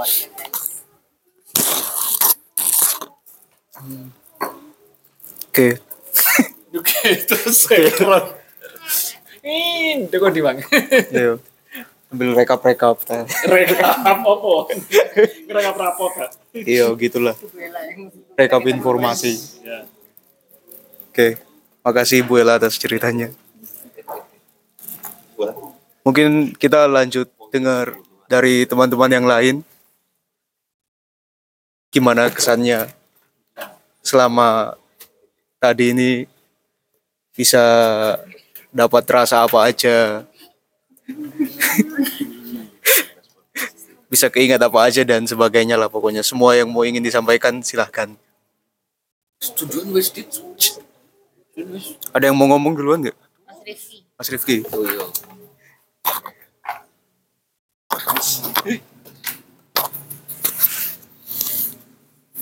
terima kasih kesempatannya. Sama-sama. Assalamualaikum. Waalaikumsalam. Alhamdulillah. Waalaikumsalam. Adem banget, adem banget. Eh, ngomongin sosmed, sosmed. Dulu perasaan pernah ya kayak nyinggung-nyinggung sosmed waktu bahas gunung kalau nggak salah. Kalau dulu itu ya itu sosmed saya cuma WhatsApp. Terus dulu itu lupa saya mention sosmed saya yang lain tuh Strava sebenarnya. Itu sebenarnya juga sosmed sih, Strava itu. Dan dulu itu waktu itu masih ada Instagram juga, masih punya Instagram itu cuma buat cari-cari info sebenarnya. Tapi sekarang sudah Tapi sekarang sudah saya hapus ya, soalnya ya nggak tahu ternyata meskipun saya tidak pernah upload itu ternyata bisa sekuat itu itu loh Instagram itu dorongan untuk mencari infonya yang nggak penting itu. Mencari promo mencari lihat-lihat sepatu lihat jam itu kayak sangat kuat sekali. Jadi iya. Jadi saya hapus itu ternyata enggak enggak kehilangan sama sekali. Saya hapus coba saya hapus. Sampai sekarang nggak kehilangan sama sekali enggak ada info yang kayak ketinggalan atau gimana malah kayak lega banget akhirnya bisa menghapus Instagram itu itu tapi ya mungkin karena generasi saya beda sih sama yang lain atau yang lebih muda itu jadi kayak dorongan untuk bermain sosmed seperti Instagram, Instagram Reels, TikTok, YouTube Short itu saya nggak nggak ada gitu loh. Jadi kayak YouTube ya saya pakainya cuma yang panjang-panjang itu aja terus ya itu jadi nggak ada dorongan untuk membuka yang short konten tuh nggak ada. Dan itu menurut saya juga bahaya itu loh. Bahayanya itu soalnya ya itu. Itu benar-benar mengambil mengambil psikologi secara apa ya psikologi manusia manusia psikologi manusia yang dalam arti manusia itu eh, kalau diberi instant gratification itu sangat mudah sekali untuk tertarik ketagihan. Sedangkan di hidup ini sekarang ini banyak sekali yang eh, gratifi- gratification-nya itu terlambat. Misalnya sekolah, sekolah baru tiga tahun baru lulus, enam tahun baru dapat ijazah, kerja juga harus se- sebulan baru dapat gaji, lari baru mungkin dua bulan baru ketagihan dan lain-lainnya. Jadi kayak konten-konten yang menurut saya instant gratification itu sangat bahaya sekali soalnya ya itu. Itu sangat didesain oleh para para psikolog yang seperti itulah. Jadi kayak ya untungnya saya mungkin karena beda generasi jadinya nggak nggak begitu masuk ke itu, nggak pernah coba-coba juga sih. Itu terus kalau sekarang ini juga saya juga mulai nyoba membuat habit-habit baru soalnya lagi baca buku Atomic Habits itu saya jadi kayak langsung. Langsung. Itu sudah sampai halaman berapa? Jadi kayak menarik sekali buku itu. Jadi kayak ya itu mencoba membuat habit-habit yang kecil-kecil kayak habitnya masih kita tadi yang mungkin setiap satu jam meditasi itu juga bisa saya tiru mungkin atau gimana soalnya yang lima menit kan kan saya juga pernah dengarkan karena Sam Harris itu nggak baik kalau meditasi itu cuma sekali sehari terus sudah selesai gitu. Tapi ya baiknya itu ya cuma lah itu mungkin juga Alhamdulillah. itu mungkin juga salah satu bentuk meditasi bagi beberapa orang ya. Bagi Mas. bagi. Bagi beberapa orang mungkin cara meditasinya seperti itu ya. Kalau cocok ya nggak masalah asal kalau asal asal nggak bel gedes gitu kan ya.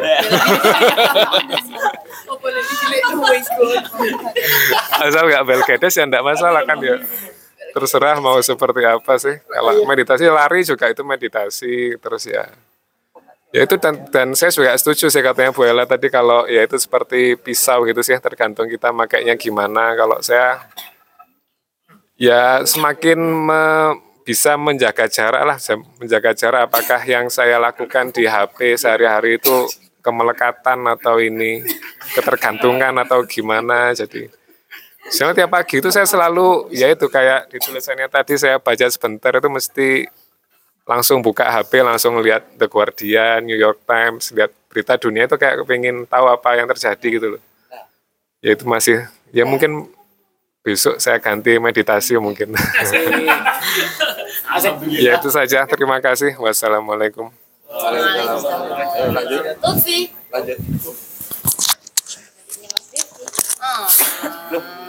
Assalamualaikum warahmatullahi wabarakatuh. Assalamualaikum warahmatullahi wabarakatuh. Selamat malam.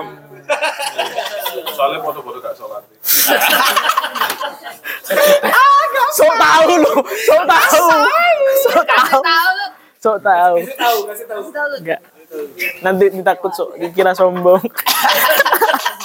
Kasih imamin. Padahal udah sombong. Oke. Saya hampir sepakat semua dengan apa yang Mbak Opi baca, Mbak Devi tanyakan, Mas Adit dan Mas Sikin, Mas Rifki. Oh, Bella enggak? Ya Bu Ella juga. Ternyata bagiku itu dari tahun Bu Ella sampai sekarang itu penyakitnya hampir sama gitu. Tapi lebih parah ke yang muda ini. Aku mau menjadi sebuah cerita nih. Aku rasa dulu aku lebih pinter, lebih pinter, lebih gampang mengingat konsentrasi. Karena aku dulu sering menang lomba cerdas cermat dan itu beberapa kali gitu berturut-turut. Nah, dan kalau semisal hanya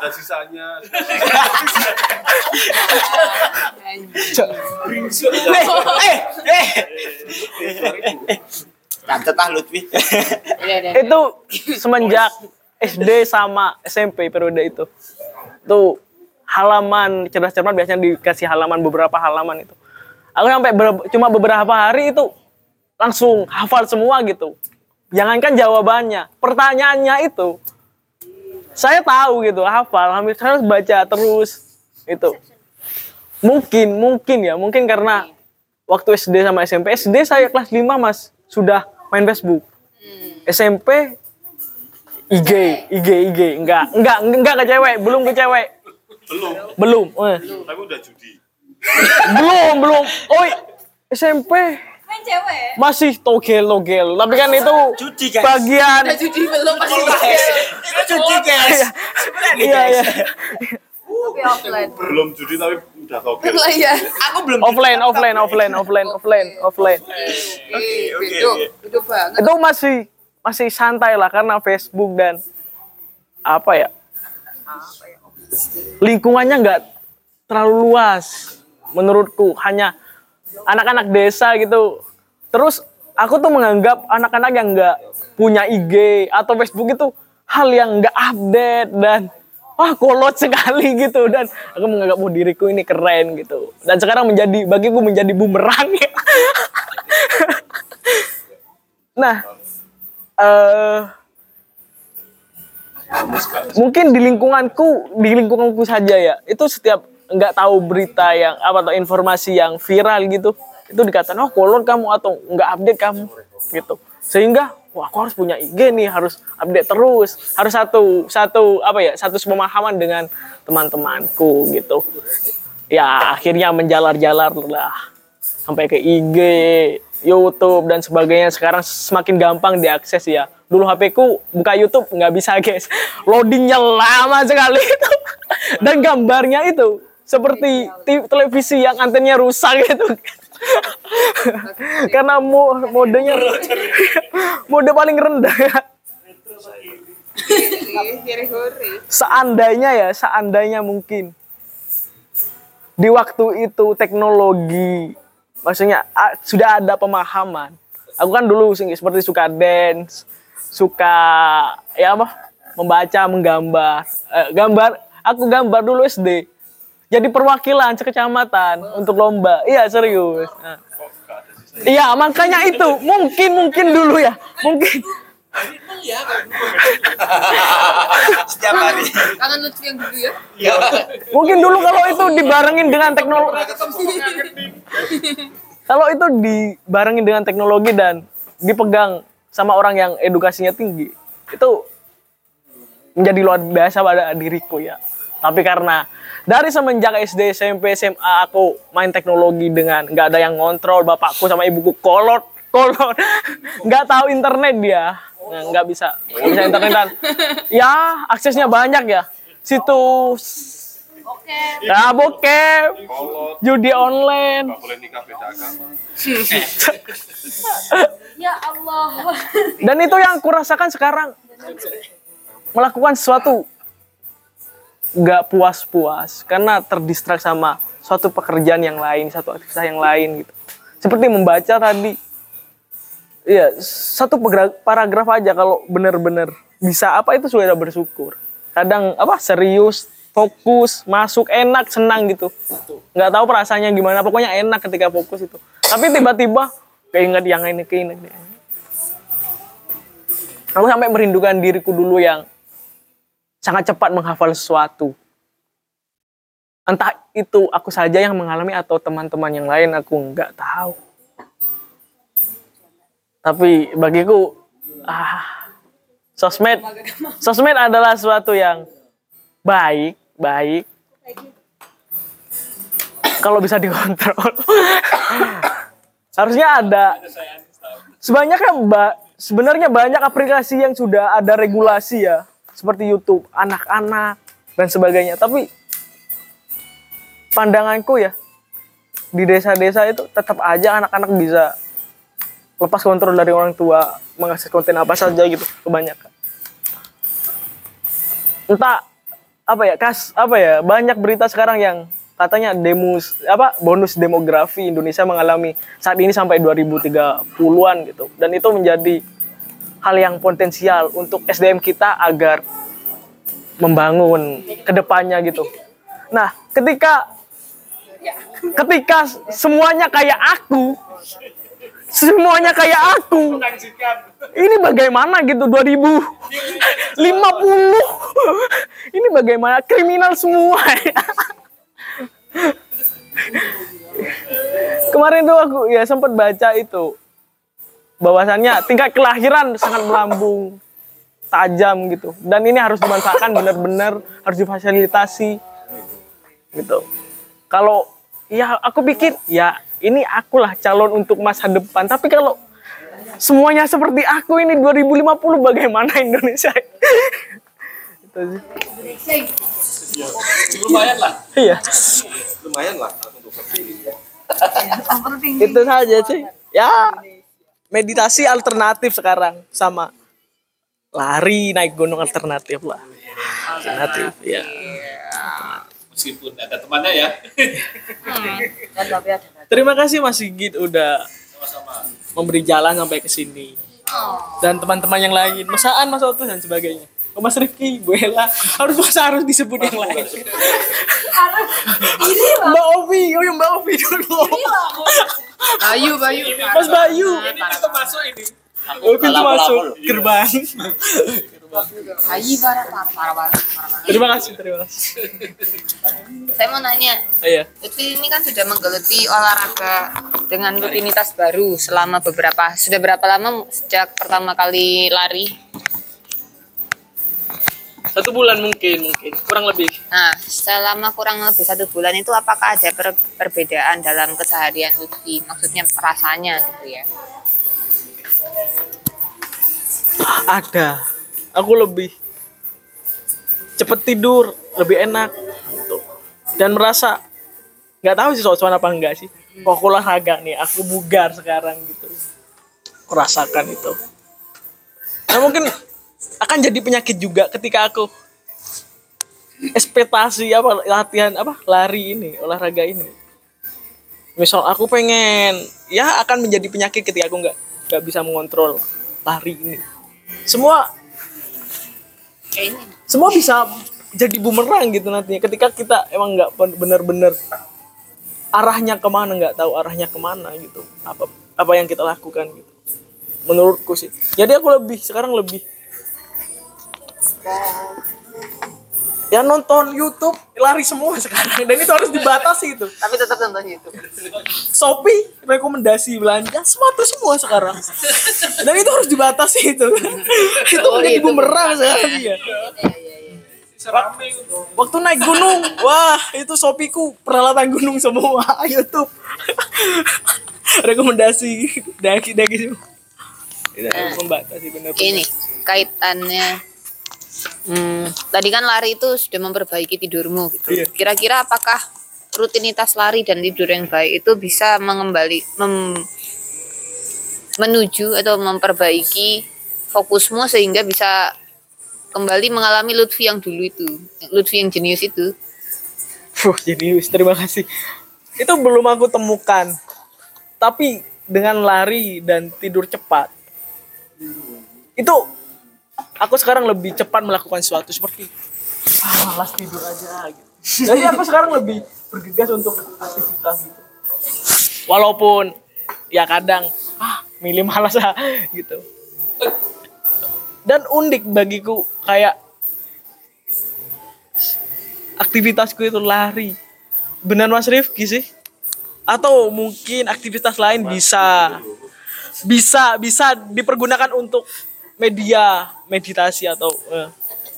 karena bagiku lari itu seperti ya memang benar-benar memahami kondisi tubuh kita apalagi pikiran. Tuh aku pernah mikir apa ya?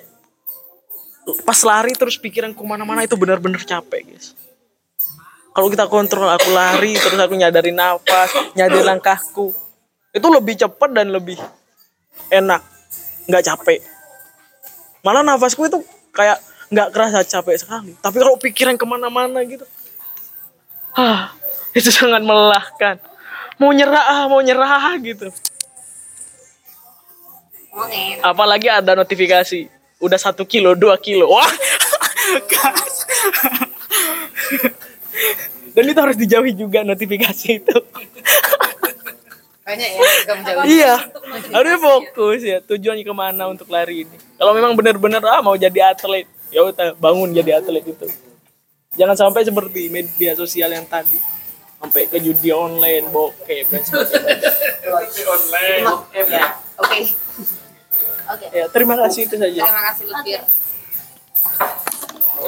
mbak Kira Aku tuh. iya Suka tanya tak kayak ini. Kalau aku aku tuh sebenarnya dari kecil wis dibatasi sih soal teknologi itu. Soal maksudnya tidak difasilitasi.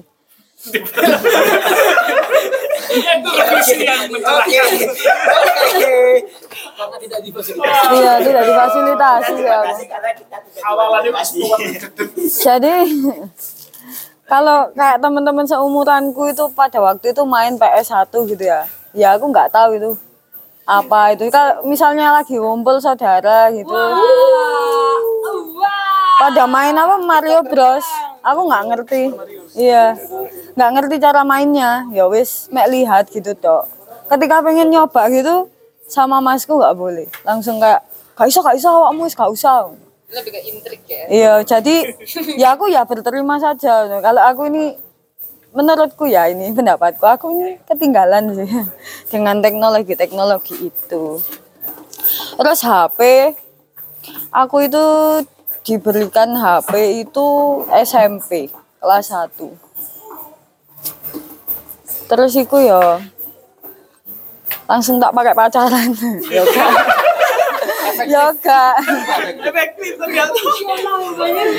Oh BBM ngono kan. Ya wis aku jadi sering BBM-an. Cuman ya tetap menurutku aku terlambat nih. Kayak yang lainnya aku udah bisa udah bisa update lagu lewat status BBM gitu aku nggak bisa. Aku Instagraman itu ya SMA. SMP sing Twitter. Ambek aku nyaris jadi seleb tweet saya dulu. Sumpah. Tapi aku kayak males gitu ngapain sih followersku banyak gitu terus nggak pernah tak buka sampai akunku itu di suspend. Terus aku baru install twitter lagi tahun-tahun ini tapi yo gak tak pakai apa-apa. Kamu dulu terkenal sebagai apa di nggak tahu ya aku kayaknya karena aku di follow Justin Bieber sih. Dunia apa? iya di follow back gara-gara itu sih koyo Terlambat. Terus update kayak update gitu yo juara sih. Ya sempat sering cuman se- sekarang gue intensitasnya sangat berkurang. Like perbedaannya waktu sering update status apa story di IG sama nggak update sama sekali. Maksudnya gak buka atau gak update. Like nggak anisal aku belum ya. Maksudnya belum sampai di keputusan itu karena aku jualan jadi aku membutuhkan sosmed tetap Shopee, Tokped tapi enggak tak pakai check out check out gitu. Jadi aku agak berbeda sih. Ya meskipun meskipun aku harus check out itu check outnya itu untuk kepentingan bisnisku kayak gitu. Gitulah ceritanya. Ya wis. Sebagai moderator pengganti Jadi aku kayak ya wis santai aja misalnya HP ku mati ini lima hari santai aja. Yang bikin lebih nggak yang bikin agak nggak santai sekarang ini ya karena ada anak kan jadi kalau tak tinggal keluar gitu aku butuh info anak ini aman atau enggak kayak gitu. Jadi yo WA itu harus tetap aktif. Tapi kalau di rumah aku jarang pakai. Aman. Wis selesai. Ada pertanyaan? Biasanya Devi sih. Saya mau nanya gak apa-apa lo. oh gitu lanjut.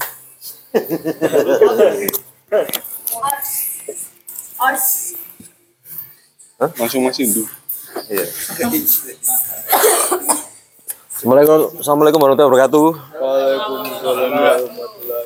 Terima kasih Bu Ella atas soto betawinya dan sate kerang rendangnya. Mas Indu, silakan. GPL Mas Indu. Ini paksaan Mas Indu. ya menyikapi topik yang bolak-balik kita bicarakan tentang ketergantungan dengan sosmed. Menurut saya sih secara subjektif gini, saya tetap butuh sosmed. Saya itu harus mengakuinya dan saya benar-benar tidak akan menyangkal itu. tapi yang harus mungkin kita pahami bersama bahwa se- sejauh mana sih kita sadar bahwa itu kebutuhan. Misalnya dulu ketika tahun 2010 2011 saya sangat-sangat eh, anak Twitter sekali ya karena waktu itu eh, hype hype-nya enggak. Tapi dia di follow pocong eh. Iya, iya. Kak, Oh enggak ya. ya Justin Bieber. Eh, Oh. pocong boleh. Tapi aku sempet DM DM mana. Uh. Karena saya paham kebutuhan bahwa saya lagi butuh artikel tentang misalnya eh, invasi ke Normandia. Nah, seperti itu. Iya, iya. Sangat. Karena banyak banyak menurut saya eh, jadi Normandia itu adalah suatu tempat di Eropa Utara ketika 1944 itu dipakai jalan untuk masuk sekutu. Paham?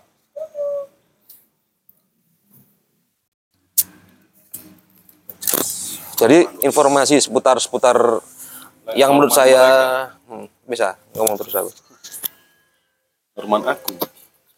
Menurut saya kita eh, sebelum kita alih-alih menyalahkan kita sebenarnya harus sadar diri dong kita paham kebutuhan enggak sih gitu kita ini eh, apakah kita bersosmed itu hanya karena eh, apa yang muncul ya eksistensi atau apa pun yang lagi ngetren nah, menurut saya belum paham kebutuhan. Tapi kalau kita sudah paham pemetaan diri sendiri terus kita akhirnya bersosmed menurut saya itu sangat baik sekali.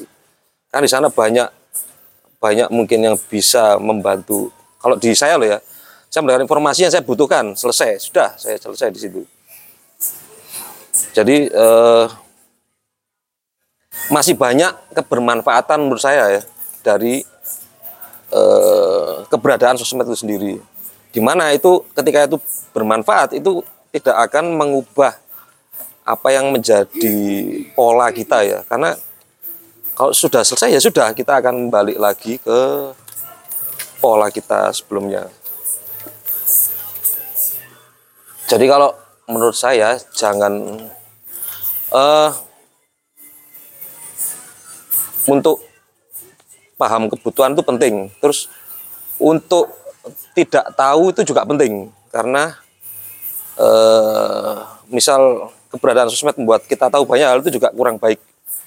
Karena itu tidak akan membuat eh, kita lebih fokus ya. Ngomongin tentang fokus, itu saja sih kalau menurut saya. Sekian, terima kasih. Ya, silakan. Jadi begini Pak Otus. Nah, hmm, menurut kamu medsos itu kan. bermanfaat untuk rekreasi nggak dalam kehidupan sehari-hari? Rekreasi ini ya apa? Eh, apa? Entertainment. Entertainment itu ya apa konkretnya? Ya, hiburan. Apakah aku butuh entertainment Hiburan. dari sosmed atau Apakah sosmed itu bermanfaat untuk hiburan untukmu? enggak? Saya kalau saya hiburan dari game, Oh ya, game game. online. Nah, Oke. Nah, game online itu menurutmu hiburan berarti. Hmm. Nah, pertanyaan. Iya dah. Nah, iya tabe. terus Pertanyaan saya, hmm, mengapa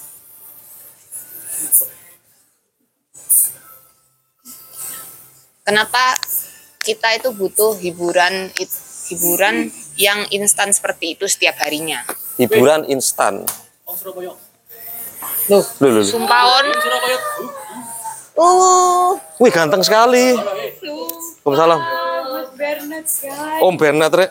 Iya. Iya. Sumpah ganteng. batu ganteng eh. Untuk mahal aku ini.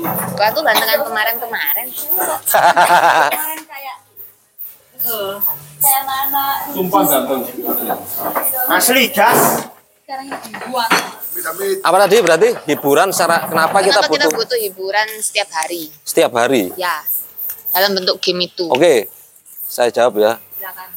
Bagi saya game itu nggak sekedar hiburan juga, karena menurut saya itu melatih kita untuk saya, saya pribadi ya, melatih kita berpikir taktis, ekonomi strategis.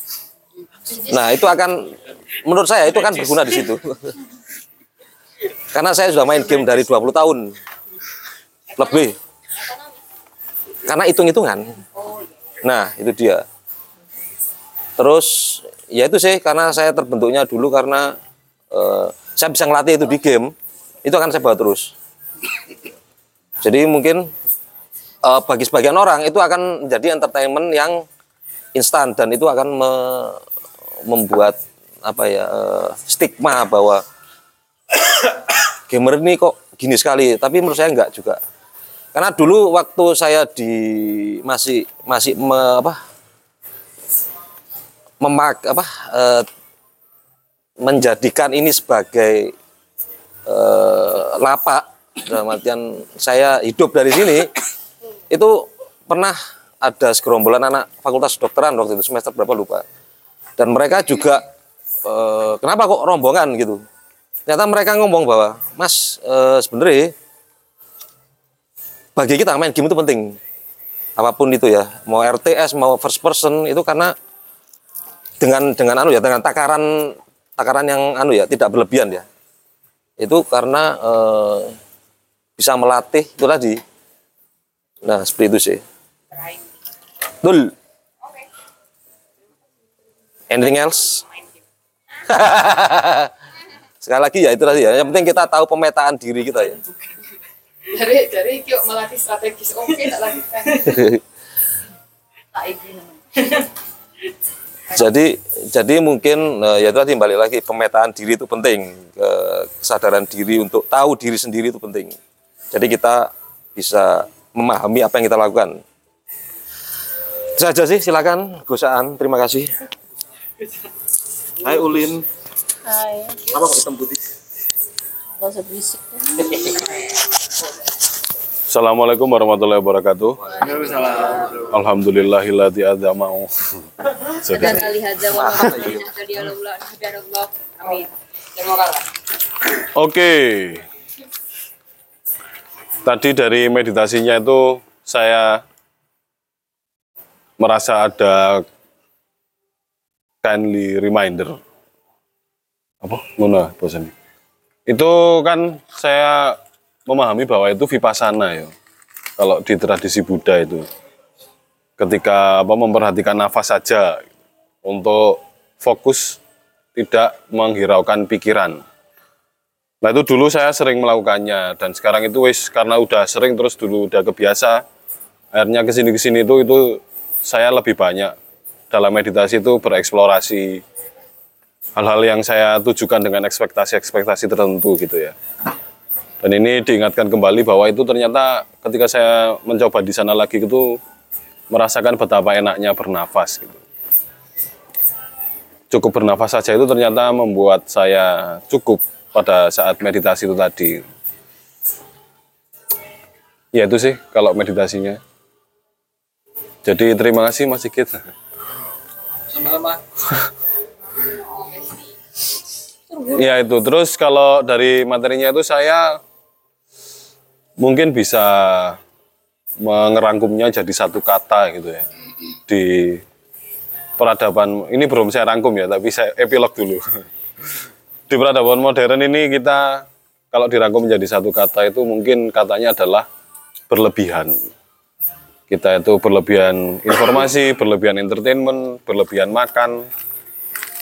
Itu ternyata paradoksnya yang saya rasakan di hal-hal yang berlebihan itu ternyata kita semakin kehilangan skill untuk merasa puas secara sederhana. Padahal kita mendapatkan hal-hal itu lebih. kan. Makanan, informasi itu semuanya lebih. Tapi puasnya kok semakin lemah nih. Nah itu itu ternyata kayak misalnya gini ada apa yang kalau udah pernah dengar tapi saya omongkan saja filosofi kucing gitu ya yang kucing mengejar apa itu buntutnya. Ada kucing kecil gitu ya mengejar buntutnya. Terus menerus terus didatangi sama kucing besar gitu. Terus ditanyai kamu kenapa kok ngejar ekormu terus? Si kucing besar bertanya gitu Terus si kucing si kucing kecil menjawab, "Loh, saya tuh diajari di sekolah saya bahwa letak kebahagiaan ini ada di ekor saya. Otomatis ini harus saya kejar sampai dapat gitu." Terus si kucing besarnya menjawab, saya saya setuju dengan kamu meskipun saya tidak sekolah, saya hidup di gang, itu saya setuju dengan kamu. Tapi sikap saya berbeda.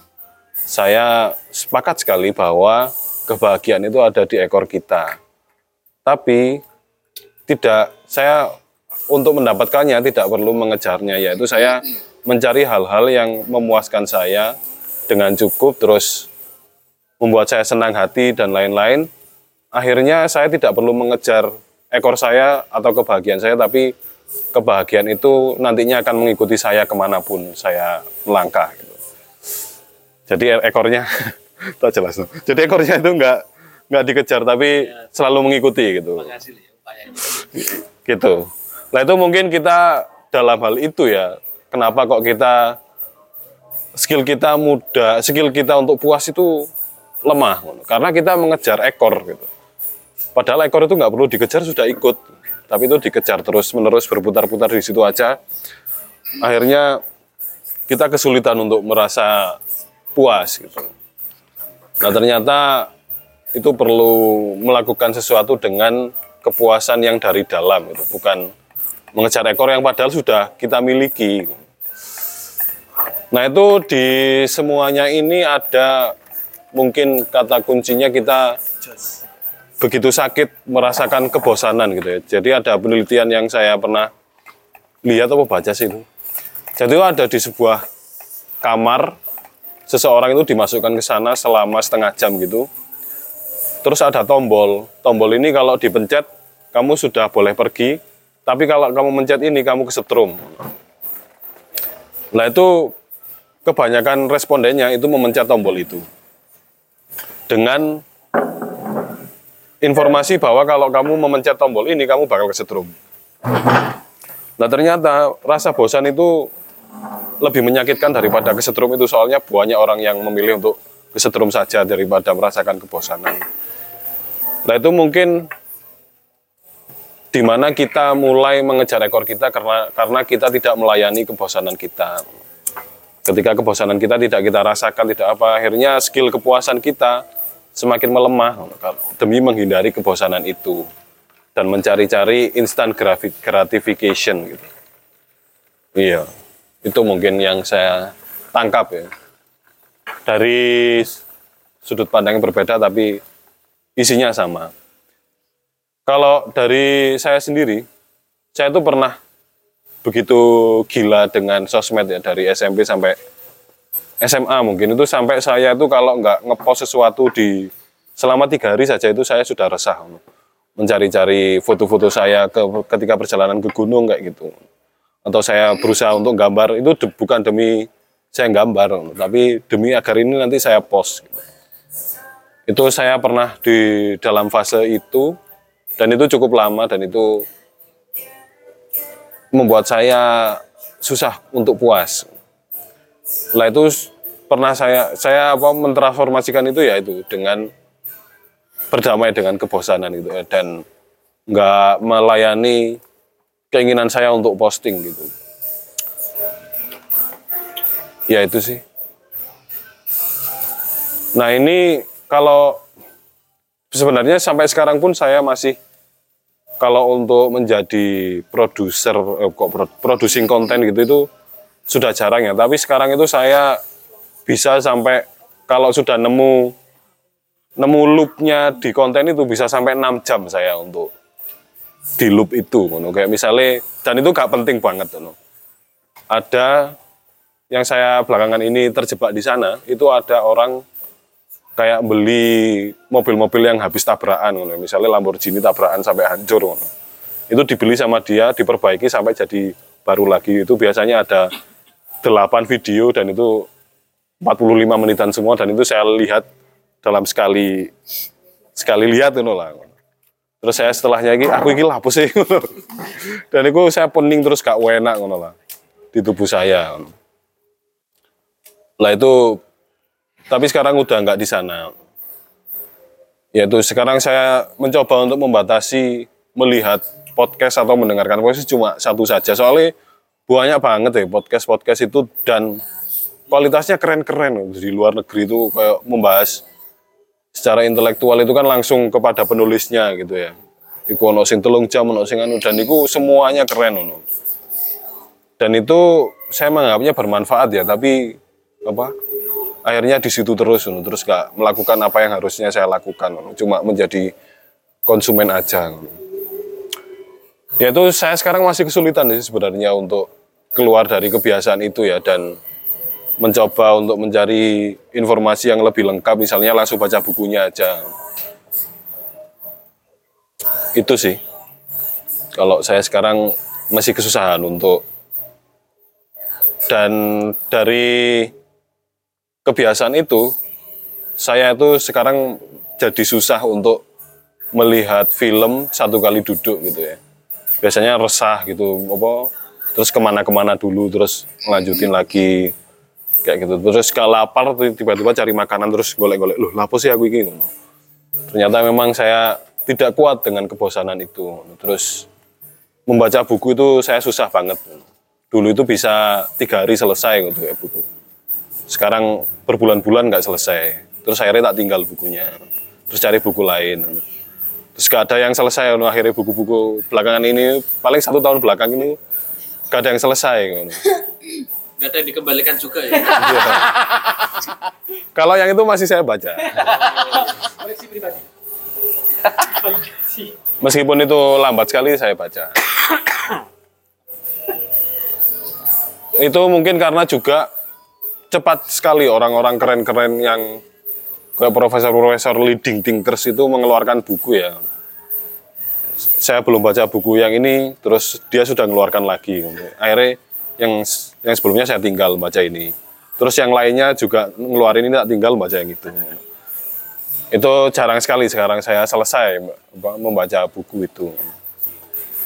Ya itu sih mungkin payoff-nya kecanduan konten ya yang apa yang dicari itu bukan makna di kontennya tapi nilai entertain entertainnya nah itu menurut saya saya mengalami sesuatu yang bahaya menurut saya ya. Ketika melihat konten itu bukan pengetahuannya tapi nilai entertainnya. Sehingga saya mencari kepuasan itu dari segi hiburannya. Dan itu otomatis ke larinya itu ke kontroversi dan konflik gitu. Bukan pengetahuan yang netral yang saling versus gitu. Nah itu mendikotomiskan otak saya terbiasa dari di sudut pandang atau di jalan dikotomis yang memisahkan sesuatu secara polar gitu ya. Dipisah-pisahkan. Ini yang ini baik untuk saya yang ini enggak. Dan ketika ada orang yang mengakuisisi ini saya menganggap itu orang asing yang tidak perlu saya gubris. Itu saya merasa itu bahaya bagi saya. Dan karena saya menganggap perbedaan itu harusnya dipandang tidak dikotomis tapi sinergi gitu. Saya mencari benarnya di sana, salahnya di sini apa terus saling melengkapi. Nah ternyata dengan me, apa dengan ketertarikan yang sudah semakin akut bahwa pengetahuan itu yang keren adalah yang entertaining. Itu ternyata yang entertaining otomatis dramatis. Dan menurut Mas Indu, hakikatnya drama itu adalah konflik. Otomatis dikotomis, konflik itu pasti dikotomis. Nah itu akhirnya mempolarkan saya terhadap pandangan-pandangan orang lain gitu. Itu menurut saya bahaya. Ya itu masih saya berusaha untuk saya tanggulangi dengan malas-malasan. Cuma tahu ini masalahnya kayak gini kan bobrok. ya wis bobrok gak apa-apa. ya begitu sih dari saya. Terima kasih. Haleluya. Amin. Itu penting atomic habit tadi ya. Ada yang mau nanya?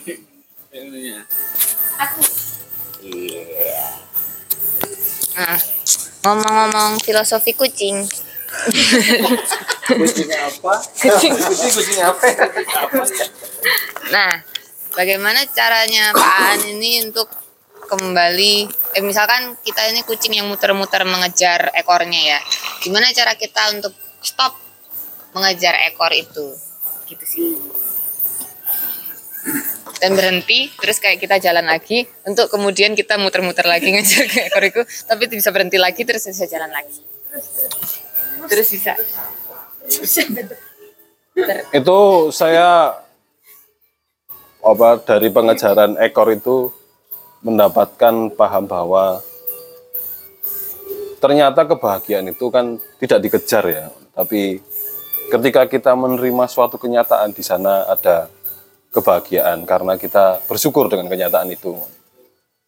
Otomatis saya melatih skill saya untuk bersyukur. Dan ternyata di syukur itu yang saya nilai diri saya yang tidak dalam kesadaran yang prima itu saya memilih-milih kenyataan gitu kan ya untuk ini yang layak saya syukuri ini yang tidak ini yang ini itu yang itu ternyata itu yang membuat saya mengejar ekor tadi nah ternyata hal-hal yang tidak saya membuat saya tidak nyaman itu ya juga bisa disyukuri kalau dipentelengi oh ini ternyata baik untuk saya ini adalah obatnya. Sedangkan yang saya kejar-kejar itu obat bius dari kebosanan saya, misalnya. Dan obat bius kan tidak pernah menyembuhkan ya, cuma apa cuma tidak merasakan luka saja. Tapi kalau itu dipakai-pakai terus akhirnya kan kita kebas sebenarnya. Tidak bisa merasakan setelah tidak ada obat obat bius tadi. Sangat takut dengan kesakitan itu. Nah, itu menurut saya melatih syukur dan itu ketika bangun saya langsung mencoba untuk menyapa semua tubuh saya. Terima kasih sudah apa bekerja sampai sekarang dan sekarang bisa di untuk dipakai untuk bekerja lagi kayak gitu. Jadi memiliki tubuh bisa bernapas itu sesuatu yang saya syukuri dulu sebelum sebelum melakukan aktivitas di hari itu ya. Dan itu ketika sudah melakukan itu kayak sesuatu yang tidak saya harapkan kayak gitu itu lewatnya biasa saja. Soalnya saya sudah mendapatkan sesuatu yang sangat layak untuk saya syukuri yaitu tubuh bahkan adanya aku ini sudah di pentas dunia ini sudah bisa saya syukuri dengan eksistensi itu. Akhirnya ya yang lewat-lewat ini diterima saja terus dan bisa disyukuri dengan rasionalisasi yang perlu saya cocokkan dengan kenyataan itu.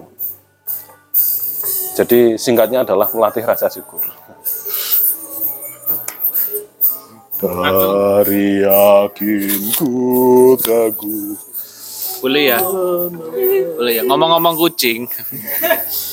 Jadi ada tiga hal yang bisa terjadi pada kucing itu menurut saya. Satu, kucing itu menyadari atau belajar dari tingkah lakunya sendiri. Kok capek ya saya ngono ku loh. Ini di mana sih sebetulnya posisi buntut saya ini? Di mana sih saya bisa mencari kebahagiaan buat saya? Nah, dia itu belajar. Yang kedua ada tutornya tuh, ada kucing gede yang tadi tuh ngono lah. Ya kon lapo sih muter-muter ae, guys. Kebahagiaan itu enggak di situ, di bayang itu A B C D D D D W W W ngono. Maka ada orang lain yang menunjukkan jalannya untuk mencari tahu. Yang ketiga dia nyemplung got. Jadi dia akan bertemu dengan kepahitan hidup yang dia mau ndak mau harus berhadapan. Jadi dia akan bertemu dengan puncak dari penderitaan yang diakibatkan dari ketidakmampuan dia melihat kenyataan. Nah kalau sudah mentok seperti itu, eh, maka hanya kenyataan yang bisa dihadapinya. Dia nyemplung got dhisik baru, oh iya ya, ngono atau muter-muter tuh sampai ke pelindes opo ngono ya.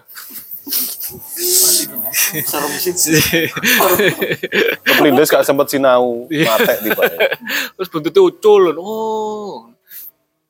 Ya mu- mungkin dari tiga itu eh, menurut saya apa kesempatan kita untuk untuk bertemu dengan kenyataan ya. dari cara kita belajar sendiri misalnya gitu Bu Ella yang ke sini meskipun tubuhnya sudah agak berumur di malam seperti ini itu keinginan dari dalam untuk belajar. Menurut saya it- itu sebuah anugerah gitu yang anak-anak muda seperti saya hai ayo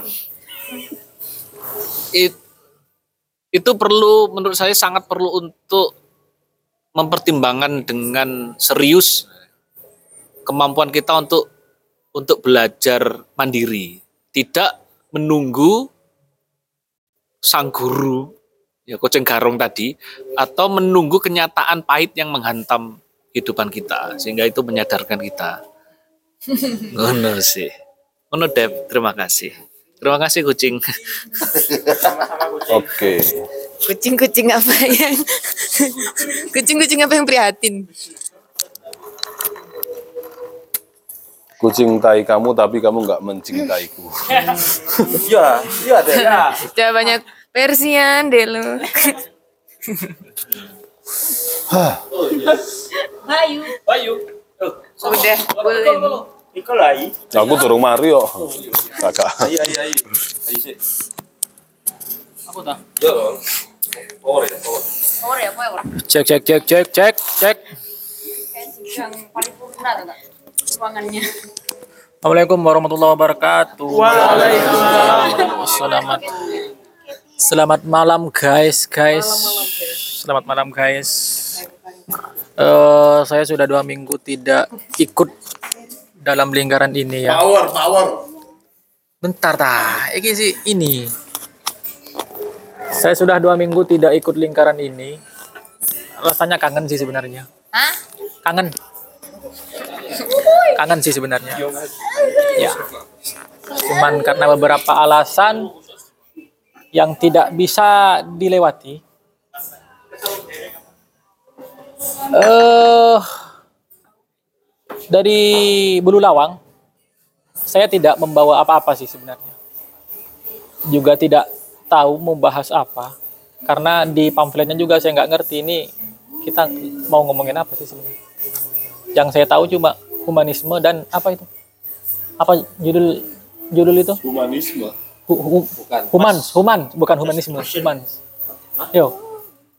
Tema, tema, bos. Always on human. Ah, always on hu- humans. Iya, iya, iya. Nah, itu tak terawang-terawang sini karena saya kan nggak nggak tahu bahasa Inggris. Jadi pertama terima kasih untuk Mas Sigit ya. Dan sebelum sebelum itu terima kasih untuk Bu Ella makanannya. Saya berangkat lapar memang Bu. Sampai sini langsung dapat ya. Sampai sini langsung dapat yang hangat-hangat. Terima kasih Bu Ella. Makanannya enak. Terima kasih Bella. Terus untuk Mas Sigit, terima kasih juga udah terus memandu eh, jalannya meditasi. Eh, lumayan membuat membuat apa ya, semacam membuat eh, ketenangan meskipun cuma sebentar. Terus untuk media sosial ya, untuk media sosial, karena saya hidup di kampung, di desa, yang kampung banget. Saya menyadari waktu itu, sekarang saya menyadari bahwa eh, saya itu salah satu orang, ah, salah satu orang, ah, salah satu manusia yang punya kepribadian introvert. Biasanya anak-anak introvert itu cerdas gitu kan, cerdas-cerdas. Iya. Eh, biasanya yang saya lihat itu mas, anak-anak introvert itu biasanya cerdas-cerdas. Lek saya malah IQ-nya rendah ya, mas. Jadi saya melihat itu, melihat ke diri saya sendiri. Kalau ada beberapa orang yang belajar sesuatu satu kali langsung bisa, maksimal dua kali langsung bisa. Kalau saya harus dua, tiga, empat, lima kali itu baru bisa. Mas. Dan sulit berkembang gitu loh mas. Saya nggak ngerti itu. Ini saya kenapa gitu loh. Faktor faktor lingkungan, faktor faktor lingkungan, faktor apa gitu. Saya juga nggak ngerti gitu. Kok bisa se- se- segini parahnya saya gitu. Mungkin iya. Ah, mungkin iya mas. Mungkin iya itu. Itu termasuk.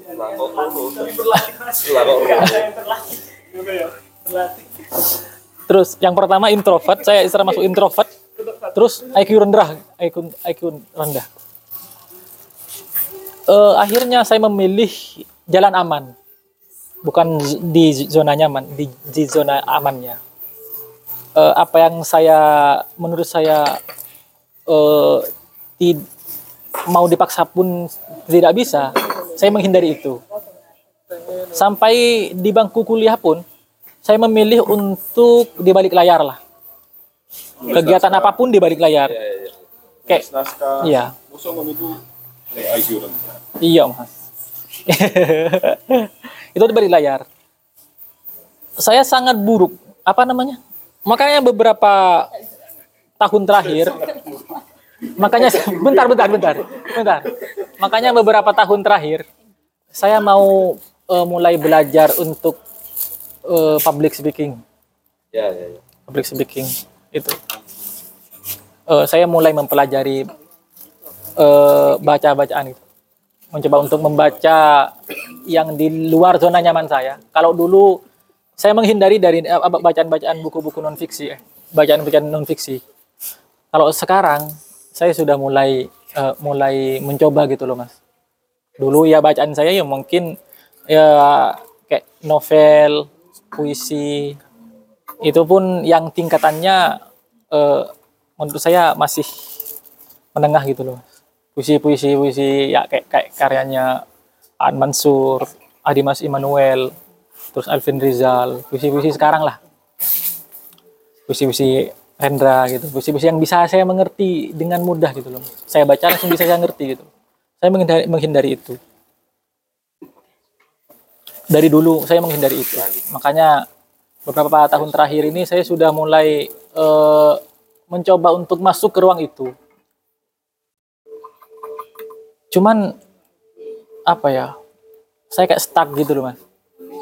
Saya coba saya kayak stuck aja. Gak masuk ini kayak gitu loh. Ke saya itu nggak masuk gitu. Dari fiksi, dari bacaan fiksi, terus beralih ke non fiksi dan bu- buku pertama yang saya baca itu apa ya? Oh ya, membaca Gunawan Muhammad waktu itu langsung. Yang isinya di sana itu kan eh, karyanya Ayu Tami, tidak salah. Dan satu paragraf itu, itu saya harus langsung buka HP gitu. Karena kan ada ba- banyak-banyak bahasa-bahasa populer. Dan yang saya tidak saya tidak punya kemampuan di situ dari dulu. Jadi kayak kayak waduh paragraf pertama ini apa yang dimaksud ini? Ada bahasa-bahasa banyak populer di situ. Jadinya untuk menyelesaikan satu buku saja kayaknya lebih dua, dua bulan tiga bulan gitu. Untuk menyelesaikan satu buku itu saja. Dan akhirnya nggak kuat ya beralih lagi ke ke fiksi aja gitu. Nggak siap nggak siap di zona itu.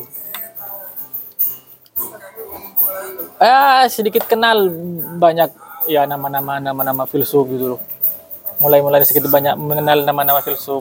Kayak eh Adorno, Ren Renzeire, siapa itu Renzeire, terus eh Friedrich Nietzsche, Nietzsche, Nietzsche, Nietzsche, terus eh Socrates, bapak filsafat gitu loh. Saya hafalin itu sebenarnya. Hmm. Pokoknya banyak banyak itu. Ya mungkin itu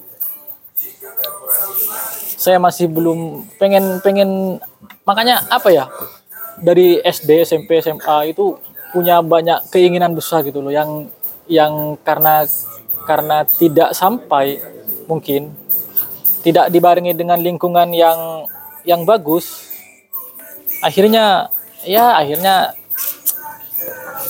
ya dibarin saja gitu loh makanya beberapa tahun terakhir di otak saya tuh saya pengen punya satu teman yang satu frekuensi dengan saya gitu. Allah Iya. Allah. Yang satu frekuensi dengan saya gitu. Misalnya saya suka novel ini, oh dia juga suka gitu. Saya pengen diskusi ini, saya juga suka gitu. Pengen punya satu teman itu saja gitu. Dan itu pun sulit dari dulu. Terlalu ini mas, terlalu jauh. Tingkatannya sudah terlalu jauh. Gitu. Sampai Eh, pengen pengen jadi eh, cita-cita terakhir tuh pengen jadi penulis. Tapi nggak kesampaian. Karena nggak punya karya. Nulis saja saya, nulis agak-agak. nyoba kirim-kirim ke media nggak masuk gitu. Wis selesai gitu Indonesia maksudnya. media Indonesia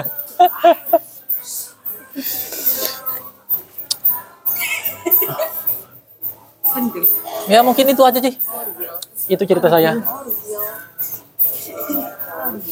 mau nanya? mau nanya apa Dia dulu. Boleh ya? Ini. Mas Bernard. Mas Bernard. Kamu, kamu dulu. ayo tanya Nis Kebetulan sama. Assalamualaikum warahmatullahi wabarakatuh. Waalaikumsalam warahmatullahi wabarakatuh Ya. Mau tanya Mas Ayi, hmm. merasa introvert dan merasa IQ-nya rendah sejak kapan Mas? sejak sudah ini langsung tak jawab atau Eh, langsung aja ada, jawab. ada ini Belum. Eh, beberapa tahun terakhir sih mas beberapa tahun terakhir karena ya itu setiap kali saya belajar sesuatu itu harus saya belajar satu dua tiga sampai lima kali itu pun baru bisa dan itu pun tidak berkembang gitu loh mas Oh. saya merasanya di situ Ya, ya, ya. itu ya. yang mem- yang membuat saya aduh kok IQ saya rendah banget gitu loh apa karena dari dulu dari kecil nggak pernah makan ikan gitu loh mas Oh. dulu dulu makannya apa gitu Tapi sempat ketemu iklan Scott Emulsion dulu. nggak ada ya saya mas Buyung Upi, Buyung Upi. Buyung Upi. Ya. Eh, saya juga tergelitik dengan ceritanya Mas Hayi ya. Eh, informasi saja Mas Hayi Ah. dan mungkin teman-teman mendengar juga. Eh, yang jelas introvert atau tidak itu tidak ada hubungannya dengan kecerdasan Mas. Hmm. Itu yang pertama. Ah.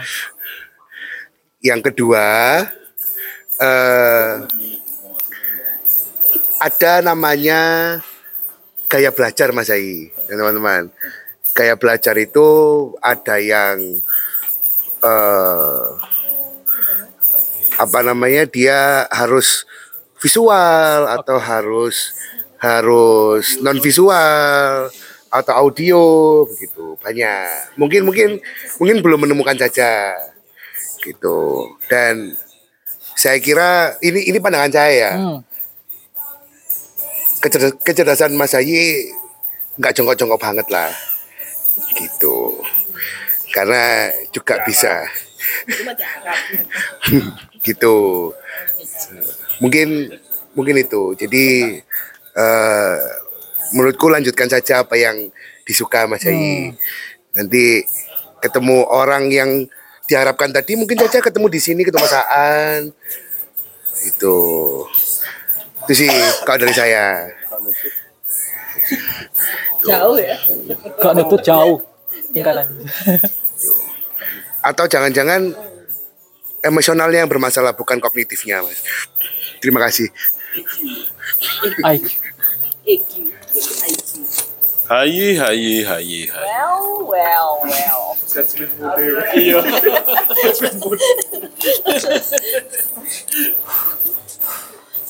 Menurut Mas Hayi, kenapa kok Mas Hayi membutuhkan belajar di luar kenyamanan Mas Hayi? Oke. Oke. Eh sudah mas. Lanjut ini nanti. Oke. Betul. Kenapa saya saya mau untuk eh, tabrak batas lah bahasanya yo. Tabrak batas keluar dari zona nyaman saya gitu kan mas. Eh saya pernah ketemu dengan salah satu teman. Ya kan. Saya per- ketemu dengan salah satu teman. Ketika diskusi dia bilang, eh kok cara berpikirmu itu lu stuck banget gitu loh. Kayak kamu kayak nggak punya gairah untuk untuk lebih tinggi lagi gitu loh mas masanya. Gitu. Akhirnya saya, oh kok gini ya? Saya punya begini mas. Saya menyadari diri sendiri dulu ya. saya ada sedikit keahlian di tulisan tuh loh mas, di tulisan. Tapi kalau di public speakingnya saya buruk sekali. Itu saya nggak tahu prosesnya mau di prosesnya gimana gitu loh. Jadi kalau disuruh cerita lewat tulisan, saya sedikit bisa gitu loh. Ngobrol sedikit bisa di tulisan. Tapi lek disuruh face to face itu nggak bisa. Kayak kayak iya. Ada gila-gilanya ya ada. Mau sama Rondo nggak? Hah? Eh, eh, eh, eh.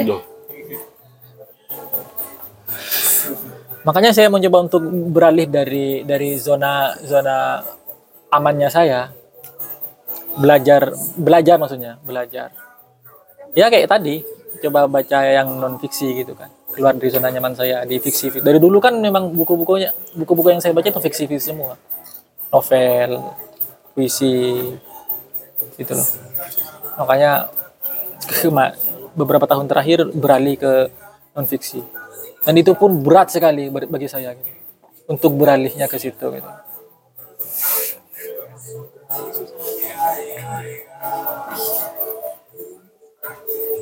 Eh,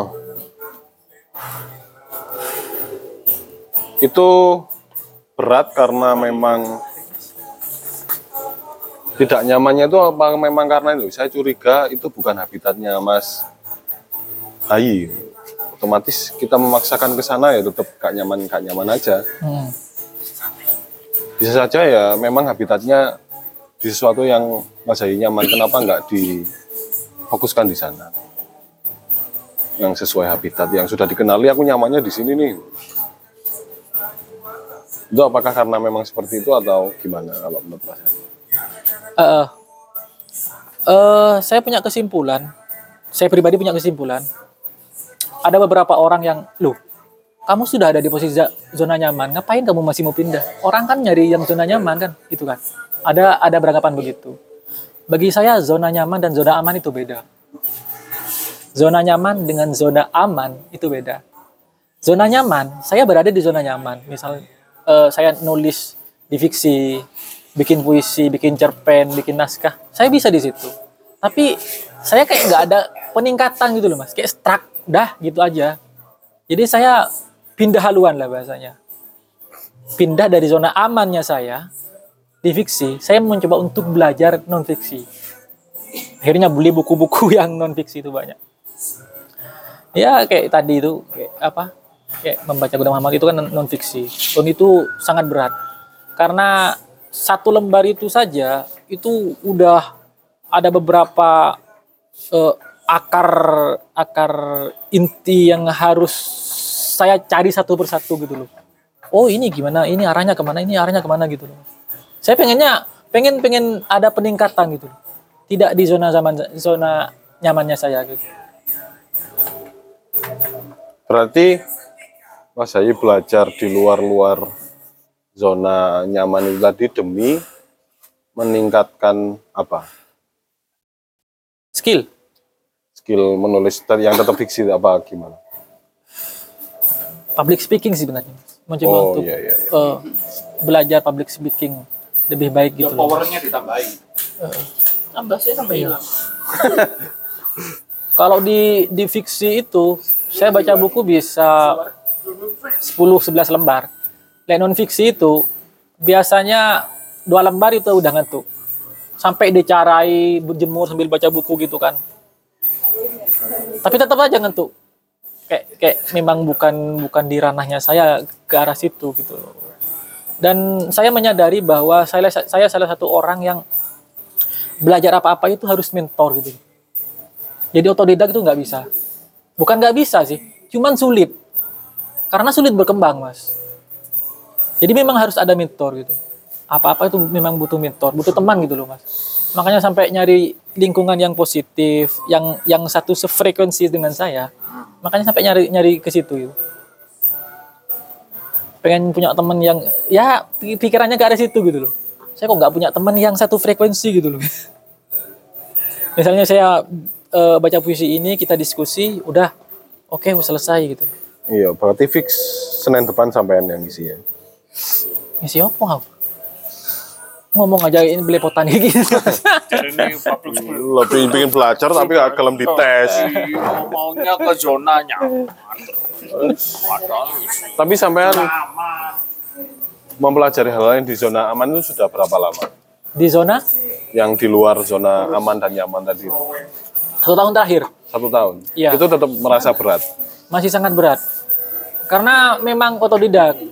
Saya sudah kehilangan frekuensi apa ling- lingkaran itu, Mas. Alright. Tanya lagi mas aku mas. Gitu, gimana? Monggo. Ini menarik ini mas. Karena banyak terjadi eh, banyak terjadi yang ujungnya adalah stres stres berat itu karena eh, hal-hal yang seperti ini. Jadi gini, aku tanya ke Mas Hayi, Mas Hayi itu sekarang ini dalam posisi eh, tidak aman, pindah pindah pola belajar tadi itu, itu karena merasa tidak aman dengan zona yang sekarang, atau mencari ketidakamanan di tempat yang baru. Ketika targetnya sama tuh, targetnya kan mendapatkan skill tambahan ya, Oke. ya kan? Gitu. Itu itu gimana itu? Kali ini Mas Mas Yai bilang tuh, eh, ya saatnya saya meninggalkan zona Nyaman. nyaman dan amannya, begitu. Dengan belajar hal baru. Hal-hal baru. Nah, itu berarti menurut Mas Hayi, hal baru itu adalah zona yang tidak aman dan tidak nyaman begitu. Ya. Oke. Apakah benar di tempat yang sebelum Mas Hayi pindah itu Mas Hayi benar-benar sudah aman dan sudah nyaman? Oke. Pertanyaannya begitu. Ya. Oke. Apakah benar di zona sebelumnya Mas itu benar-benar nyaman dan sudah aman? Itu. Menurut Mas Hayi gimana? Eh, kalau pertanyaan zona nyamannya, saya nyaman di situ, Mas. Hah? Oke, nyaman gitu. Tapi tidak aman untuk masa depan saya menurut saya. Oke. Karena saya harus meningkatkan skill gitu loh, Mas. Harus Ah. harus ada peningkatan gitu loh, Mas. Iya. Artinya ketika saya dihadapkan dengan lingkaran yang eh, public speakingnya bagus, Ah. saya suka minder gitu loh. Loh, kok saya nggak bisa seperti mereka gitu. Oke. Makanya saya harus belajar belajar ke arah situ. Karena eh, hal-hal maksudnya selagi itu baik, saya akan selalu coba gitu. Ya, ya, ya. Selagi itu baik, saya akan saya akan tetap coba gitu. Dan bagi saya, saya juga butuh butuh butuh butuh apa ya? Zona zona aman itu butuh gitu loh saya. Iya, iya, oke. Gitu loh. Kayak gitu. Hmm, Kalau kak sejauh Ya. ini berpikirnya saya ke, ke situ gitu loh. Ya, ya, ya berarti memang eh, memang mencari zona aman ya. Heeh. Ya. Jadi j- cari zona aman. Ya. Apakah it- ap- apakah itu sebuah masalah untuk Mas Hayi Eh, mencari zona aman? Masalah masalah. Karena karena yang yang pertama saya akan belajar hal-hal baru dari nol lagi gitu. Ah. Iya kan? Yang pertama saya akan belajar dari nol lagi terus nyari temen yang yang baru lagi gitu kan. Buat buat tempat diskusi gitu kan. Iya, iya. kayak gitu. Itu iya masalah jadi sebenarnya itu. Oh. itu masalah ke saya. Cuman selagi itu baik saya coba untuk jalannya gitu Hmm. Mantap, kayak mantap. gitu sih mas Terima kasih Mas Hayi. Eh, sambil-sambil saya boleh tanya ya, tapi tidak dijawab tidak apa-apa. Itu hanya demi kepuasan saya saja. Eh, saya dulu itu merasa terjebak. Ini merasa ya, bahwa saya menghitung berapa jumlah buku yang saya baca dalam setahun, sebulan, seminggu gitu. Oh, saya merasa sangat hebat dan merasa sangat keren begitu rekor tahun sebelumnya terlampaui. Oh, sekarang 100 berapa gitu dalam setahun. Oke. Berarti saya berhasil gitu ya. Ada ada perbedaan sangat fundamental di mana saya berpindah dari kualitas eh dari kuantitas ke kualitas. Misalnya gini, untuk untuk ibadah sholat saja, ibadah sholat saja, ibadah. itu kita memerlukan wudhu dulu untuk pengondisian. Nah, dari situ sudah terlihat bagaimana pentingnya prasarat untuk melakukan sesuatu.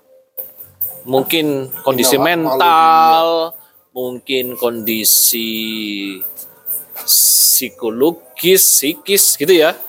Sekarang yang saya tanyakan sejauh mana Mas Hayi mempersiapkan kondisi Mas Hayi dalam misalnya melakukan aktivitas sederhana membaca.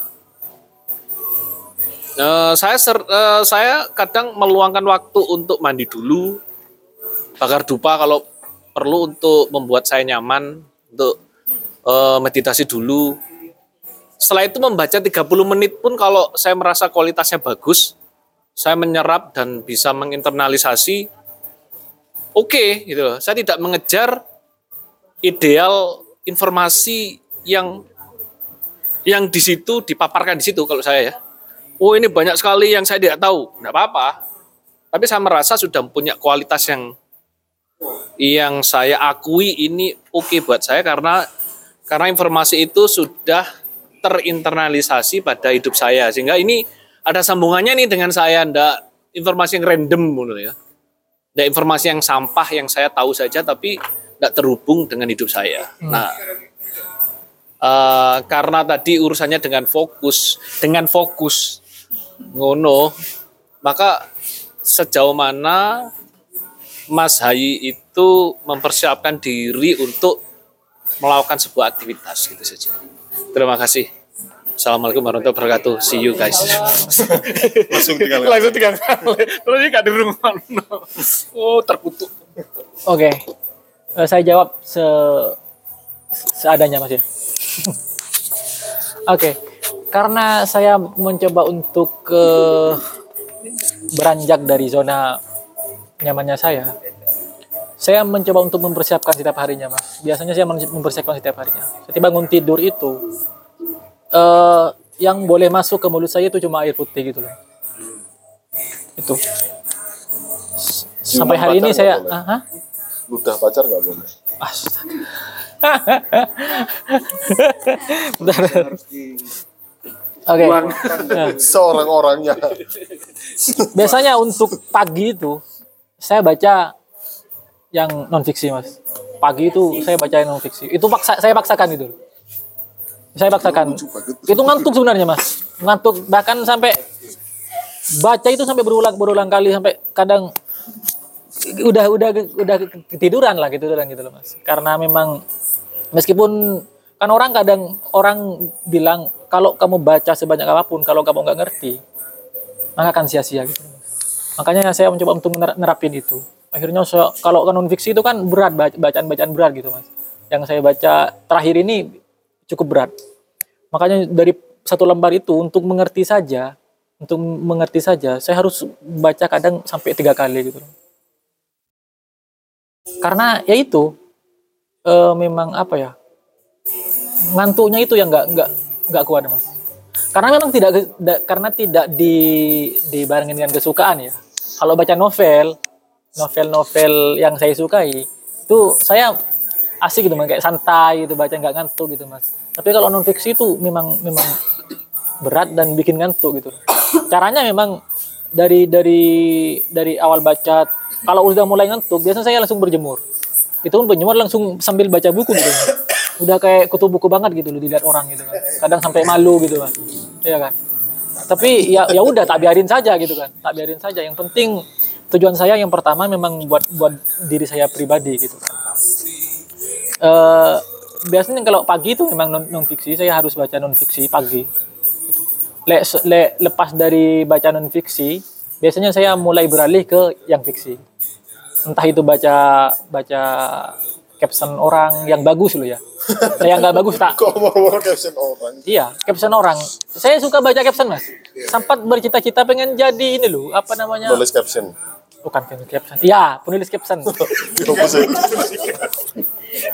iya pernah cita-cita jadi penulis caption Saya mau Karena- apa, tapi takut dosa. penulis caption ya kan penulis captionnya presiden kan bagus juga gajinya juga lumayan gitu kan.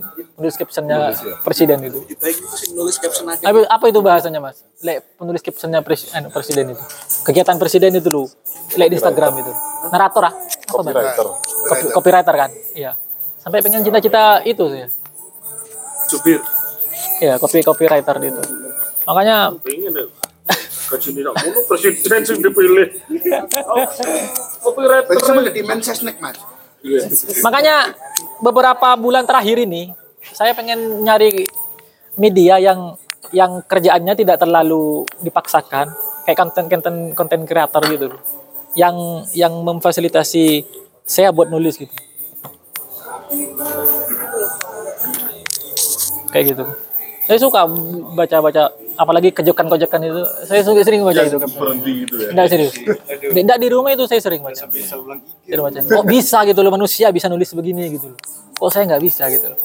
Makanya saya termotivasi untuk untuk belajar apa sih apa yang yang yang pertama kali harus dibaca untuk bisa nulis caption seperti ini gitu. Saya sampai bertanya baca sih. Boleh ikut takut. Install chat GPT. Iya, apalagi Saya merasa terzolimi ya. Si kira mau coba itu kuat. itu terlalu instan. Itu terlalu instan. Ya boy, lanjut tuh. Wah, Ditanya tadi. flow ku wis Ini kok chat GPT. wis hilang. Ya flow nanti di di anu bahas Mas Bernard ya. Iya. Saya masih masih mencurigai ya. Eh, Sementara sampai saat ini begitu saya agak serius untuk belajar tentang flow itu ya. Tidak ada yang semaksimal eh, sebuah aktivitas yang dikerjakan fokus tapi rileks. Jadi campuran itu menurut saya campuran yang paling ideal. Makanya tadi proses meditasi tadi itu kita mengamati nafas tapi tetap rileks begitu ada gangguan yang lain muncul. Jadi kalau sudah dari awal merasa mem- harus memaksakan diri sampai sebegitu ngototnya, itu bukan cara yang saya pilih itu aja. Oke. Ya berarti pilihannya ada dua. Metode kita yang di eh, mungkin diadaptasi menjadi yang lain atau bahannya aja yang diturunkan. Tidak selevel itu mungkin dunia sofi dulu lah, opo lah yang jadi pengantarnya kalau mau belajar filsafat misalnya.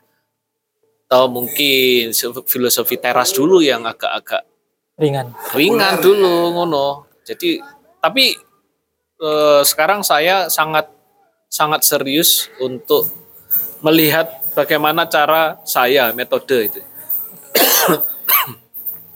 begitu sih, begitu saya merasa, lu kok saya ngotot ya. Saya pasti mencurigai diri saya ini nggak maksimal pasti saya ini.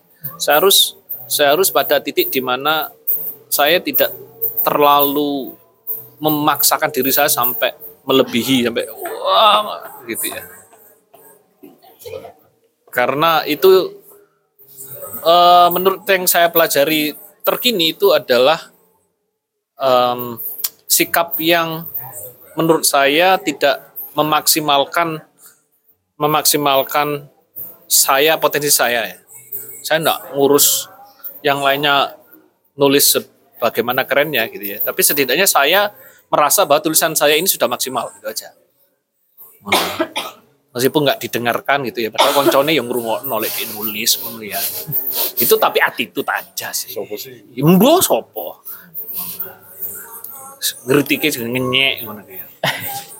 Kok ngenyek. gitu ya. Tapi ini gunung-gunung ya. Iya, ya ya ya ya ya. Nanti nggak aru. Bedanya antara gunung-gunung dan serius. Iya. Jadi itu eh, menurut saya sekarang masih concern pada metode apa yang menurut saya ideal. Bukan bahannya apa dulu gitu ya. Sehingga dia bisa memaksimalkan eh, aktivitas saya itu bisa saya pakai di lintas aktivitas tidak hanya membaca saja tapi semua aktivitas. Modelnya akan begitu. Begitu Mas Hayi. Terima kasih. Oh by the way ya memang harus belajar banyak karena mengulang informasi sering sekali. Terima kasih, terima kasih. Terakhir monggo. Kreatif loh. Kalau para refreshingnya nggak. Ya, eh, mungkin ini aku langsung ini ya, apa namanya itu eh, sekaligus berbagi Pengalaman. berbagi informasi juga. Oke. Jadi sehubungan tadi Mas Sigit sempat menyinggung tentang ya kita fokus pada pada sesuatu yang yang tidak terlampau keras begitu ya, yang yang kita lakukan sehingga itu bisa membuat kita melakukan sesuatu yang kita inginkan gitu. Itu memang satu hal ketika kita ingin belajar atau kita ingin melakukan sesuatu, kunci utamanya adalah sebenarnya adalah kenyamanan. Nah, hubungannya dengan flow. Flow. Ya, ini iklan, iklan, iklan. Iklan, iklan. Ketika pengen lebih tahu tentang flow, ini kita kasih kisi-kisi sedikit teman-teman, ya. ya, jadi eh, sebelum sebelum kita itu melakukan sesuatu yang yang yang kita inginkan, sebenarnya yang, yang paling utama adalah kenyamanan, Mas Ai. Jadi, nah nyaman itu apa? Turunannya dari nyaman adalah kita ada keamanan. Baik secara apa pun itu. Keamanan secara fisik, secara mental, secara sosial, kita harus aman. Gitu. Selain aman, kita juga ada eh, apa namanya itu? research atau sumber gitu. Dan selain sumber dan dan keamanan, kita juga eh, secara teknis juga butuh support secara teknis juga. Misalkan membaca berarti kita butuh mata kita. Kayak kayak gitu-gitu. Nah, ujungnya adalah nyaman. Ketika sudah nyaman, maka eh, kita melakukan sesuatu itu akan terasa lebih mudah. Akan lebih merasa senang. Akan lebih merasa mau memberikan segala hal. Ya sama kayak kita nyaman sama pasangan kita. Gitu ya kan? Mungkin yang yang yang yang punya pasangan, yang punya pasangan ya. Gitu. Jadi ya eh mungkin salah satunya adalah aktualnya mungkin ya apa namanya itu eh, realnya adalah mungkin ya membuat apa ya semacam ritual mungkin yang secara khusus itu kita nyaman sebelum kita melakukan. Misalkan hari ini aku pengen pengen belajar tentang tentang filos- filosofi sesuatu gitu ya. Filosofi A gitu ya. Nah sebelum itu aku udah ngapain? Ngudut dulu. Apa gimana? Itu kan ritual-ritual yang bisa membuat kita nyaman. Nah setelah sudah nyaman kita melakukan itu maka akan jauh lebih powerful. Kita akan memberikan segalanya memberikan fokus kita Ya karena kita nggak akan bersinggungan dengan sesuatu ketika kita itu nggak nyaman, ya kan? Kita nggak akan jujur dengan hal itu, kita nggak akan memberikan segalanya ketika kita nggak nyaman. Gitu. Jadi ya saya setuju dengan masih kita tadi memang itu yang paling utama adalah kenyamanan sehingga tidak perlu lagi kita memaksakan diri untuk ini kudu baca nih. Nah itu udah udah udah udah, udah salah tuh. Emang kalau bangun siang terus bacanya siang kenapa? Gitu misalkan. It's okay yang karena target kita adalah membaca gitu misalkan. Kayak gitu-gitu. Itu itu, itu sih jadi sampai bertemu di di pekan pembahasan flow dengan saya teman-teman. Siap. Oke lanjut. Lanjut lanjut. Satu anu aja. Terakhir ya. Penutup. Buka eh kurung lu kok Bayu iku lu selak ngantuk. Kok Mas Indu, Wake, Ulin. Wake Mas Denny, yo. Sani, Bayu. Misalnya tadi saya menemukan saya menemukan metode untuk diri saya agar tetap fokus yaitu lewat nafas misalnya. Dalam proses meditasi atau berdoa atau beribadah dir ya. Misalnya oh ini saya bisa tenang nih. Saya butuh ini dalam semua aktivitas menjadi fundamental saya. Misalnya saya bernafas dengan dengan kesengajaan yang yang pelan dulu, rileks. Itu bisa membuat saya rileks, maka saya membaca buku itu dengan cara nafas yang begitu. Itu saya sendiri sangat terbantu. You know. Dan itu bisa ya ada Bisa. gitu loh maksudnya Iya, Kan itu ada ya bisa real. Ya, Dan metode. saya saya praktikan begitu. Terima kasih.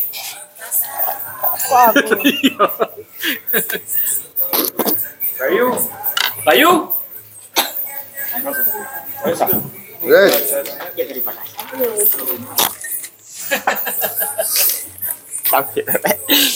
Lanjut, bye. Oke, terima kasih. Assalamualaikum warahmatullahi wabarakatuh. Waalaikumsalam warahmatullahi wabarakatuh. Yuk lanjut Mas Indu.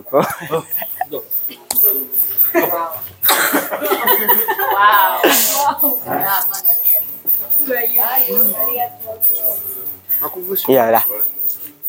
Oke. Eh tentang meditasi tadi ya. Ya, itu eh, adalah salah satu cara ya untuk mencapai titik fokus atau menambah intensitas fokus yaitu dengan cara bernafas. Itu sih. Dan itu mengingatkanku kepada hal yang lain. Banyak. Tapi itu terima kasih, Mas Sigit. Oke, untuk mengenai materi hari ini yang Mas Protect, Mas Protect sampean, Mas Destruction ya. Apa sih tulisannya aku lali sampean? Ya lah, ikulah pokoknya itu dulu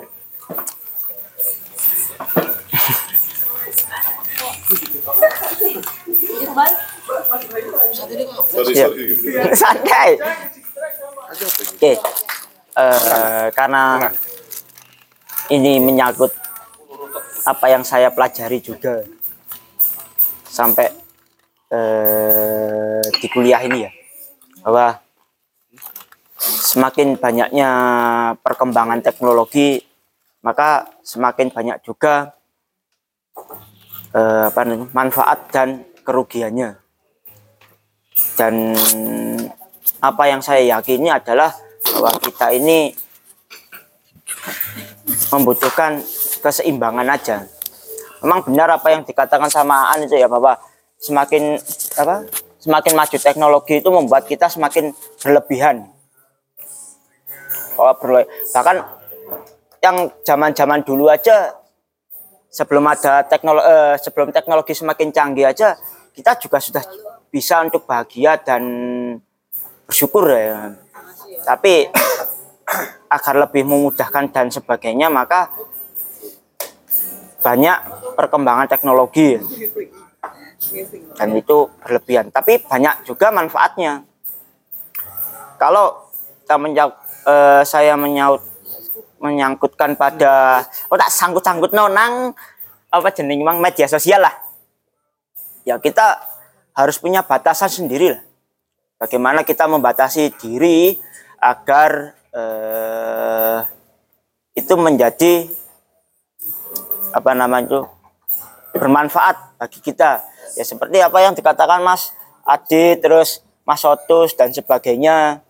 Semuanya lah saya yakin mereka punya batasan tersendiri ya untuk eh, mengontrol eh, media sosial seperti Lutfi yang menginstal seluruh aplikasinya kecuali sosmed gitu ya. eh kecuali so- kecuali WA kecuali Lut.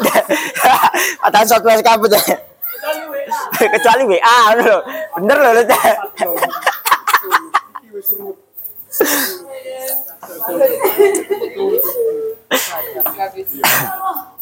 Ya itu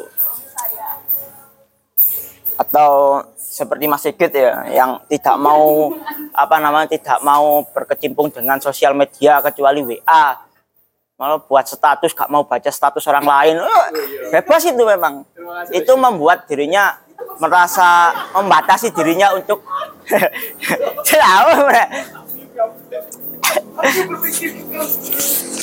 iya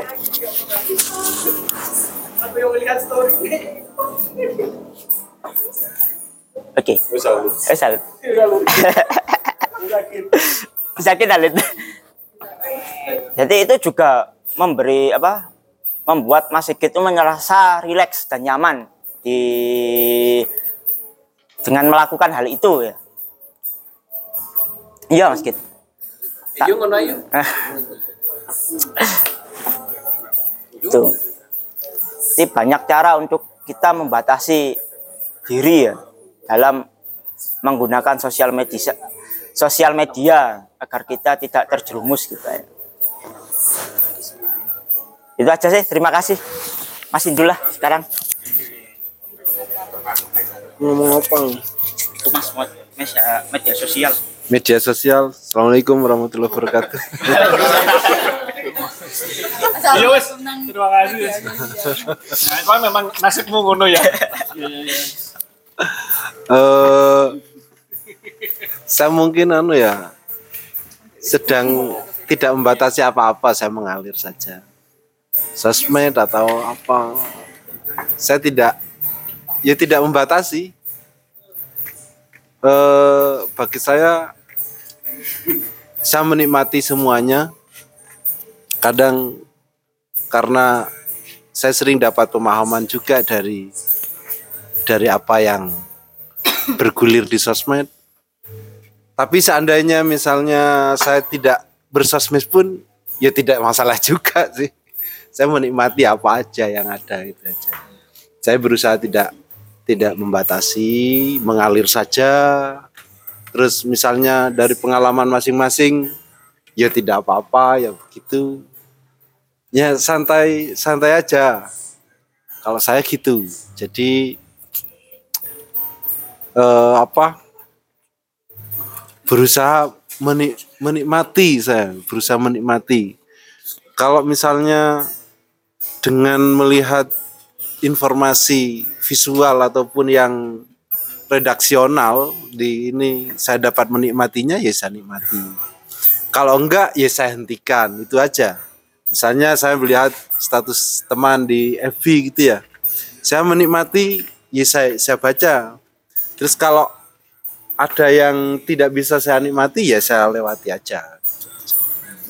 Jadi saya tidak untuk sementara saya tidak membatasi.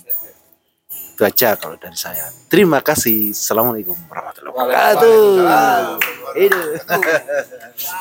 Penutupan apa? Ya adit lah itu. Adit, oke. Adit notulen. Baulin. Sinten ngomong. Iya wis. Ayo ah. Ovi dulu. Jangan dulu lah yang ada gila-gilanya ya, aku ngerti sama kamu dia. Iki lho melakukan nang iki? Iki lho ngenteni iki. Kenapa kenapa Ovi Sana sana sana Pak, sana Pak. Vi. Sana, Pak. Ovi Pak, Ovi Pak, Ovi Pak. Ovi Pak, Ovi Pak. Oh, Ovi, Ovi. Kamu dulu.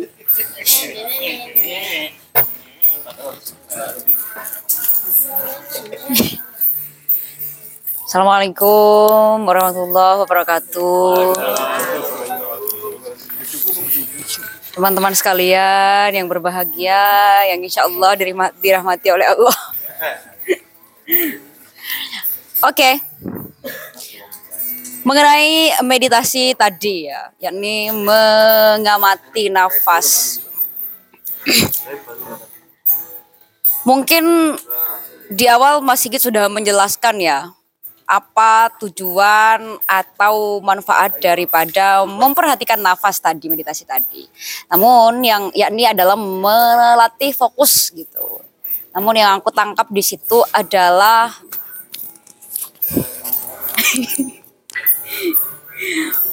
yang aku tangkap adalah mengamati bagaimana aku sebagai makhluk hidup gitu. Ma, sebagai makhluk hidup. Pada proses tadi itu yang aku rasakan adalah ada momen di mana apa-apa, ya nggak apa-apa, gimana sih? Aku monolog loh ini. Yang aku rasakan adalah aku sedikit teringat ya. Aku mengingat sesuatu di mana waktu kecil itu aku kerap kali mendengar orang tua yang menembang ketika di sawahnya atau di di ladang gitu. Tembangnya itu ketika angin spoi-spoi di atas ladang gitu kan bukit kemudian mereka menembang angin alus. Jadi baru-baru ini aku menemukan makna dari tembang itu bahwa ternyata Hah? Wes oh wes, wes aku wes nembang. Mana?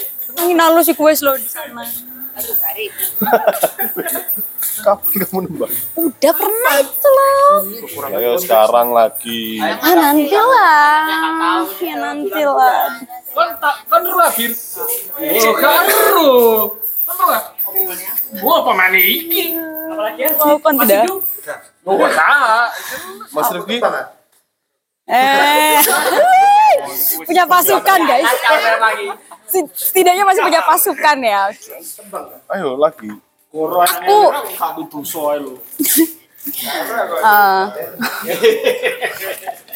eh, aku mengingat tembang itu gitu, tembang angin alus. Ayo tembangnya gimana? Ya aku nggak hafal tembangnya, tapi rasanya itu masih kerasa gitu. Terus tembangnya kamu hafal aja. Tot. Syukur kena. Pokoknya nembang. Kurang hiburan aku. Sebentar aku mau ngomong dulu ya. Ah. Tembangnya tembang angin alus gitu. Angin itu adalah representasi dari kehidupan gitu. Angin itu adalah nafas, kemudian alus itu adalah bagaimana kehalusan angin yang berhembus itu halus. Jadi ketika kamu hidup, maka hiduplah dengan lembut, dengan halus gitu. Sehingga oh connect nih, ternyata ada meditasi yang bagaimana memperhatikan nafas gitu. Sehingga aku bisa memperhatikan bahwa aku ini adalah makhluk yang hidup yang Karena ditiup ruh Allah. ya itu salah satu. Dari cari angin halus kan iya, iya. Iya. Terima kasih An. Terima kasih sudah memberi penjelasan tambahan. Karena selama ini ternyata aku tidak pernah atau jarang sekali bahkan memperhatikan atau menyadari bahwa aku itu adalah bagian dari kehidupan yang hidup gitu. Dan ses- sesederhananya mengetahui itu melalui bernafas tadi, mengamati bagaimana perubahan nafas, panjang dan pendeknya, kemudian jedanya dari nafas ketika menghirup nafas kemudian menghembuskan gitu. Ternyata itu sangat nikmat sekali mengamati bahwa oke aku hidup nih gitu. Itu terima kasih. Mas Sigit terima kasih Pak Sindu, Bu Ella. Terima kasih sudah hadir dan sudah hidup. Terus Terima kasih Aan.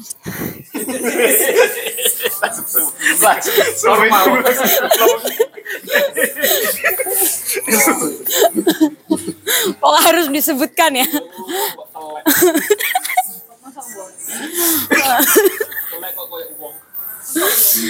Terus kalau misalkan soal apa namanya ya soal materi malam ini gitu.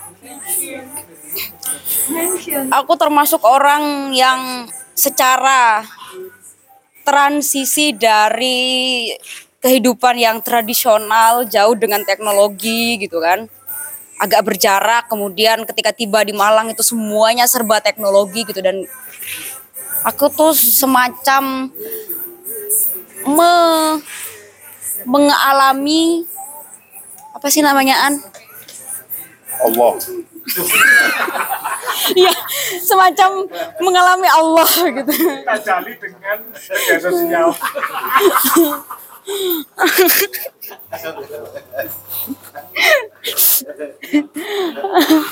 Distrakaan. Minta penjelasan pada noise.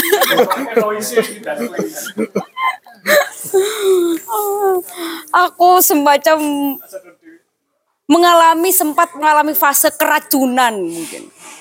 Keracunan media sosial, keracunan konten gitu kan.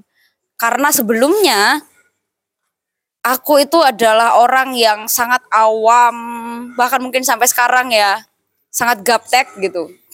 Tapi fitmu ketata banget gitu. Iya. Astagfirullah, itu kan sekarang ya.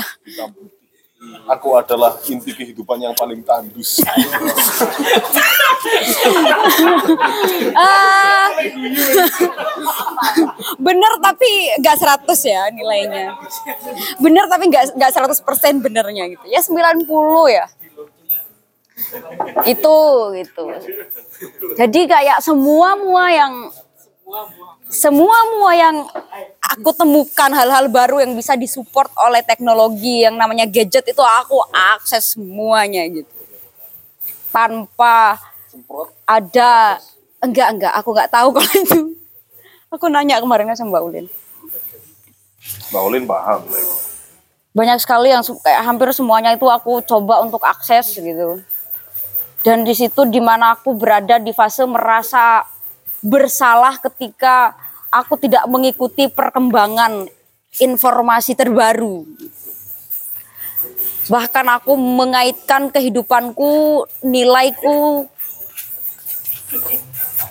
terhadap carut marutnya dunia ini gitu kayak kemiskinan.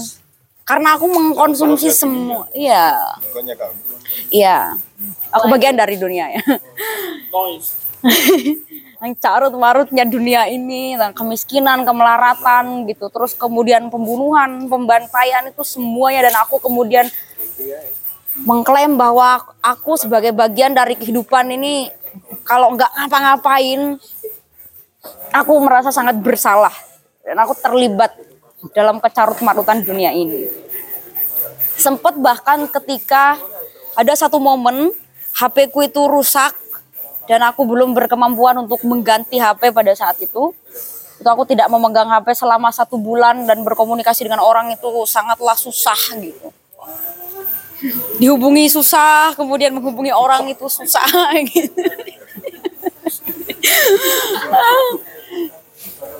Dan ketika berkumpul dengan teman-teman, misalkan satu waktu akhirnya aku berkumpul, aku tidak tahu perkembangan dunia ini, aku merasa terasing gitu. Aku merasa aku tidak berguna ya dalam tongkrongan ini gitu karena tidak nyambung dalam berbicara, tidak nyambung kepada topiknya gitu. Kayak semua muanya nggak nyambung. Dan akhirnya pada saat itu tuh aku berupaya keras untuk bagaimana caranya supaya aku bisa bisa mengikuti gitu. Mengikuti kembali perkembangan itu. Namun yang kerennya adalah pada saat satu bulan aku tidak pegang HP itu, aku sangat tenang dan damai karena tidak ada gangguan dari keluargaku ya, yang terus menerus menerorku, yang terus menerus menerorku, Yo yo. yang terus menerus menerorku ya. Dan itu aku sangat merdeka di satu sisi. Aku bisa lepas dari itu. Setidaknya ada jeda untuk bernafas sebentar. Nah, belakangan ini aku mendapat poin baru bahwa sebetulnya media sosial itu tidak begitu mengganggu ya. Kayak ya tergantung seperti yang dibahas tadi tergantung bagaimana aku sebagai aku itu bisa menjadi manajer bagi diriku sendiri gitu. Manager, manager ya. Jadi aku memanage kapan waktunya aku akan bermain Instagram atau media sosial yang lain gitu. Kapan aku harus selesai nih. Pernah juga yang di mana salah satu cara untuk yang aku lakukan ya untuk mengkondisikan dari gangguan-gangguan itu atau dari kecanduanku misalkan itu adalah membuat semacam perjanjian dengan diriku gitu.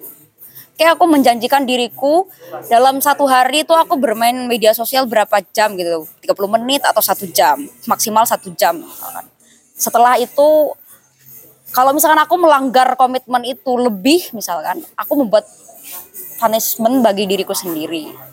Atau misal eh, kalau selama kalau punishmentnya enggak aku gorok leherku. Salah satu punishmentnya sekarang itu adalah misalkan kalau sehari aku harus meditasi sekali, kalau aku melanggar itu aku meditasi dua kali. Ya itu itu aku anggap itu sebagai sebuah hukuman. Ya ya ya. Sholat Sholat itu punishment. Ya ya nggak apa-apa. Nggak bisa lah. Ayo terserah kamu lah. itu caranya adalah itu kalau aku. Terus kayak ada lagi. Yang kedua itu adalah aku harus misalkan aku menulis boy itu puisi atau apa pun gitu aku harus nulis ketika aku melanggar itu. Kalau misal kalau yang aku wajibkan kepada diriku kan kan setiap hari aku harus nulis nih. Boy itu jelek boy itu apa aku nggak ngurus yang penting aku mesti nulis gitu. Namun kalau aku melanggar itu aku harus menggantinya jadi itu caranya kalau cara itu ya cara yang aku pakai sekarang. Kalau cara yang aku pakai dulu adalah tidak membeli paketan selain paket WA, paket chat. Karena dulu kan aku sangat tidak bisa mengontrol diriku ya.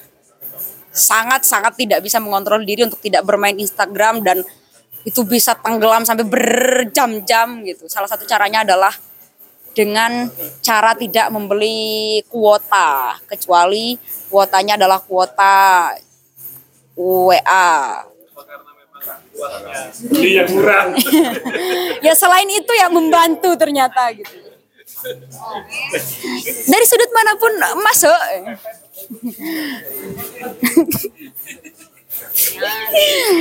itu caranya. Karena itu kan cukup mengganggu sekali ya. Media sosial itu kayak racun gitu. Nggak mati tapi lumpuh. Tapi perlahan juga setelah lumpuh mati gitu. Total. Balik ke? Enggak, aku maksudnya otakku balik. Iya, fokus ke kamu. Ini saya kamu ngomong dari tadi gak ada arahnya. Kalau aku nggak ngurus arahnya ke mana. Kamu arahin sendiri lah di pikiranmu. Bukan tugas kalau. Enggak, enggak. Enggak, enggak. Bercanda. Iya emang. Intinya paling bagus. karena intinya itu tandus. Jadi karena tandus berusaha untuk menandurinya sendiri. Iya, iya. Lalu apa lagi? Cukup kayaknya ya. Ya toh? Cukup. Cukup itu saja. Barangkali ya. ya barangkali cukup itu saja ya. Oh, Aan mau mengambil alih. Terima kasih semuanya. Terima kasih sudah hadir dan menghadirkan apa pun yang bisa dihadirkan. Devi? Devi yang mana tuh?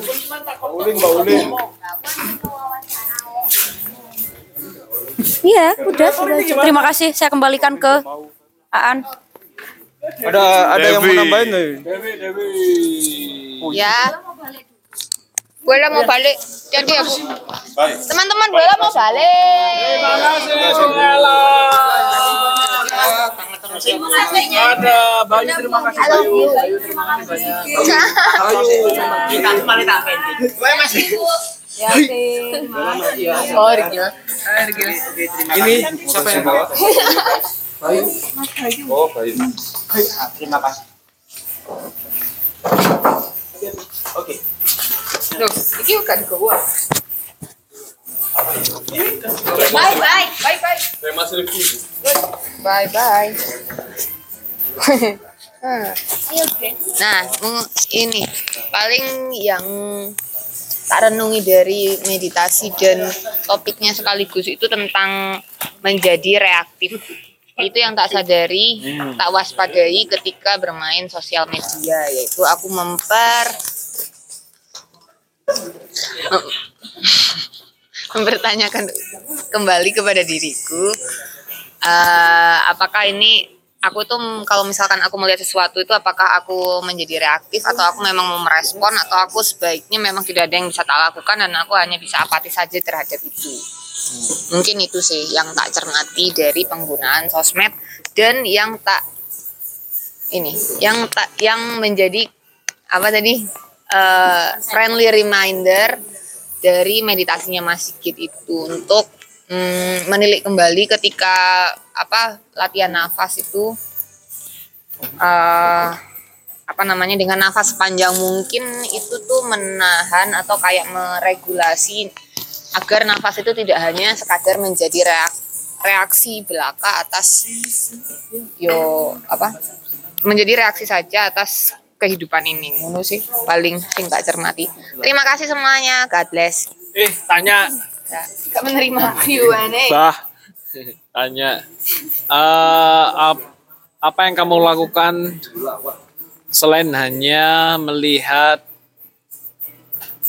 reaksimu terhadap penggunaan? Misalnya konkretnya pembatasan tuh ada enggak sih dalam enggak hanya media sosial mungkin dalam dalam penggunaan gawai yang ter iya terkud dalam penggunaan gawai lah secara general. Apa Ono maksudnya mas? Aku nggak ngerti. Misalnya kamu melakukan upaya apa nih me, apa membatasi mungkin menggunakan gawemu atau misalnya tadi salah satunya adalah kita reaktif terhadap notifikasi ngono loh yo. Terus apa upaya realmu untuk membatasi? Tak potong sebentar. apa? Pamit. oh iya. Hati-hati hati Ayi. Saya bertemu minggu depan kamu jadi yo. Oke. Ayi siap. Mengisi tentang menjadi seorang introvert di tengah era media sosial. Ya, nanti terima kasih. Reaktif. Ini sih paling cuman menunda kata kuncinya yang tak lakukan itu karena menunda membuat keputusan. Jadi kalau reaktif itu kan seolah-olah semuanya itu harus dilakukan saat itu juga. Nah, berarti metode yang kiranya pas untuk itu adalah menunda. Misalnya aku pengen komen ya, seolah-olah pengen komen detik itu juga ya. Ah, angko ae wis lek sore aku masih kepingin komen, berarti aku komen. Lek enggak, berarti demikian juga dengan balas chat. Misalnya balas sekarang ah, oke masih kita ngajak ini ya, eh, ngajak apa namanya kelas Inggris. Sebentar, aku mau kelas Inggris atau merobot ya? Tak pikirkan beberapa menit dulu. Oh, udah jadi mas. gitu contohnya. Ngasih supportnya. Berarti Nah. berarti itu setidaknya em, melatih dirimu tidak impulsif dalam melakukan sesuatu. Hmm. Iya. It- itu realnya ada enggak misalnya sampai pada aku harus buka HP jam segini nih. Jam segini nih, ngono ku ono enggak sih? Orang kan kadang sampai me- membatasi dirinya untuk pegang HP itu pada jam-jam tertentu misalnya. Eh, spesifik HP aku sih cuman sebatas cuman sebatas mematikan notifikasi saja. Ngono sih. Lek menjam-jami ya kalau bisa nggak megang HP itu alangkah baiknya sih memang aku sepakat ya. Tapi kalau aku udah banyak tapinya berarti aku malas. Ya, Selalu ada alasan untuk orang malas. Ngono sih. Tapi aku sepakat itu efektif. Ya terima kasih ya email-email kali ini. Bercanda. Devi, Devi, Devi. Love, love. Love, love, love. Ayang, ayang, ayang.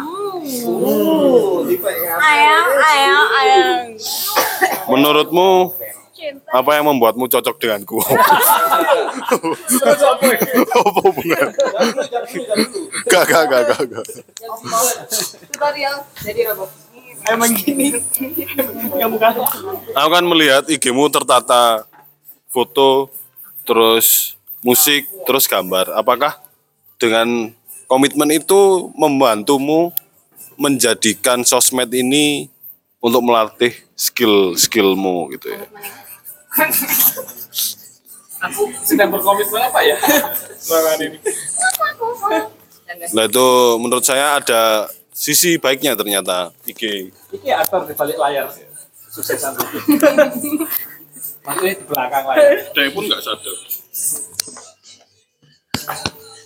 Hmm. Ini terus. Lainnya. Saya totally don't care. Begejekan ini belas gak ngaruh. Real anti impulsif. Apa siapa? Aku balas, balas gak usah. Makasih dia berusaha. Begitu. Nah, sebagai konteks, jadi aku ikut loh di Instagram ngono, Mas. Tak seling-seling ngono. Satu foto itu eh, satu post itu tentang gambar, satu post itu apa nge- nge-cover ele-elean. satu pos lagi gambar lagi satu pos lagi nge-cover lelean tak terus nih satu pos lagi. Oke. Nah kok ngatain? Nah terus habis itu hmm, hmm, nah itu bisa itu adalah salah satu apa namanya cara saja supaya aku tetap bisa main sosmed tapi tak akal-akali. Dengan cara seperti itu.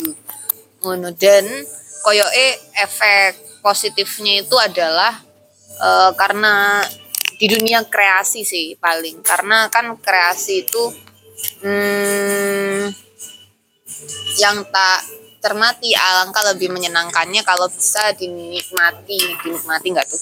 Diperlihatkanlah kepada orang juga. Ngono sih.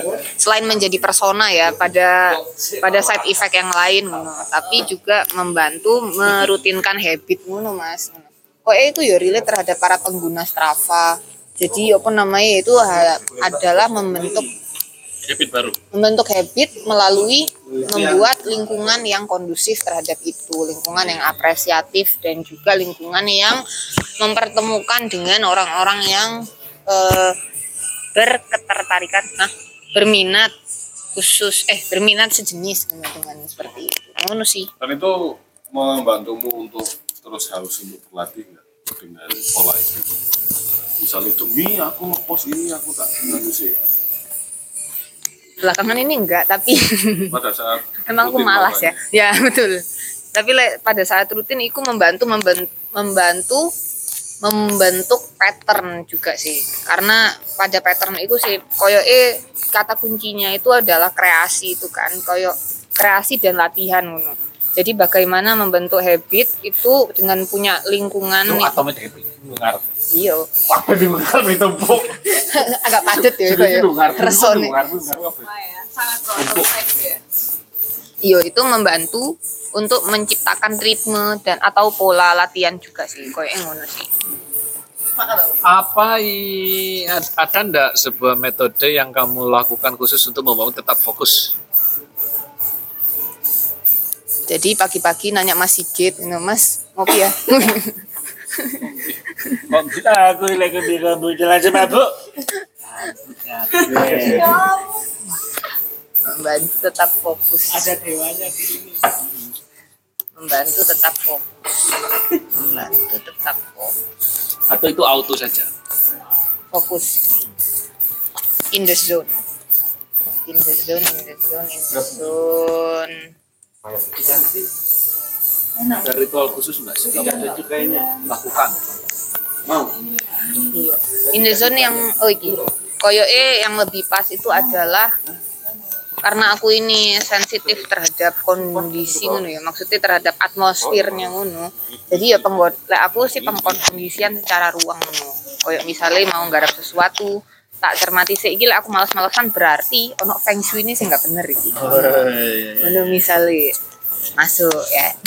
Ngono. Jadi kayak misalnya posisi duduknya itu yang kalau memang apakah ini lagi bosan di kursi kalau memang bosan di kursi gimana di kasur kalau di kasur bagaimana enaknya ngono. Sing aku iso yang memungkinkan aku untuk stay dalam posisi itu dalam waktu yang cukup lama. Ngono sih. Paling aku pengkondisian ruang sih yang penting ngono. Terus kalau misalnya dicermati oh ternyata aku iki malah gagal fokus karena ono ibuku nyetel sinetron ning ruang sebelah ngono. Dan aku terganggu tentang itu jadi yo aku pasang headset kayak gitu-gitu. Ngono sih. Karena rumahku kan ono wonge yo gak kosong ngono. Masih yo gede kan ono sing rumah gede tapi gak ono wonge kan ngono ya Nah, Ono hatinya kosong. Ya apa sih? Nah ngono. Iku sih paling mas sing tak Ini sing kosong. iya. Ah. ngono. Nah gitu sih mas paling. Sing tak mungkin yang membantuku untuk fokus adalah me, mengetrack itu dulu memetakan secara ruang lah aku. Yang sesuai denganku tuh seperti itu sih. Ngono. Selain yang lain itu ya ini ya yang masih aku juga menjadi PR itu ya paling ini sih. Membentuk masalah memori terhadap kondisi fokus tersebut. Itu sing menurutku kok eh Kayak so auto lah. heeh kok iku deh jalane tapi aku sih irangan guys gimana caranya untuk ke sana. Ngono.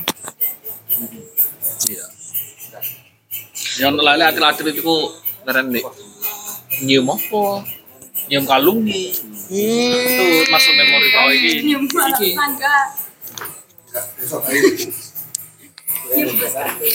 Ya, ritual khusus yang itu menjadi menjadi anchornya untuk fokus nih. ya betul Yo, itu sing Iya itu sepertinya seru untuk dicari sih. Aku dulu sih tapi ya ras. Ah, kasih tahu ah. Malu ini. Tapi kan ya udah. Begitu Kak. Adit sudah selesai. Langsung dua wesing. Adit aku udah selesai, aku capek. Ayo. Yo yo udah udah oke. Eh oke untuk ipil-ipil di malam ini. Kesimpulan 20 menit. Gak gak apa-apa. Kesimpulannya itu biar sendiri-sendiri aja. Males. Moderator males. Gak gak apa-apa gak apa-apa. Banyak banget soalnya tadi yang kalau aku simpulkan itu Dalam satu kalimat. Satu kata. satu kata Nah. kurang. satu kata kurang. Maksudnya kurang itu apa? bukan bukan maksudku satu kata itu kurang, gak cukup eh, buat nyimpulin. Itu.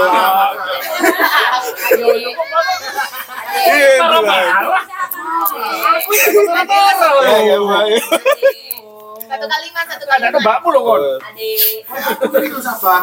Ya, ya Satu kalimat. emang untuk menikmati itu gak boleh di, mengonsumsi sesuatu secara berlebihan. Ini mau ditutup pakai pantun juga enggak? Lagi wes wes persiapan ya. gitu. Berang-berang ngupil di Jodipan.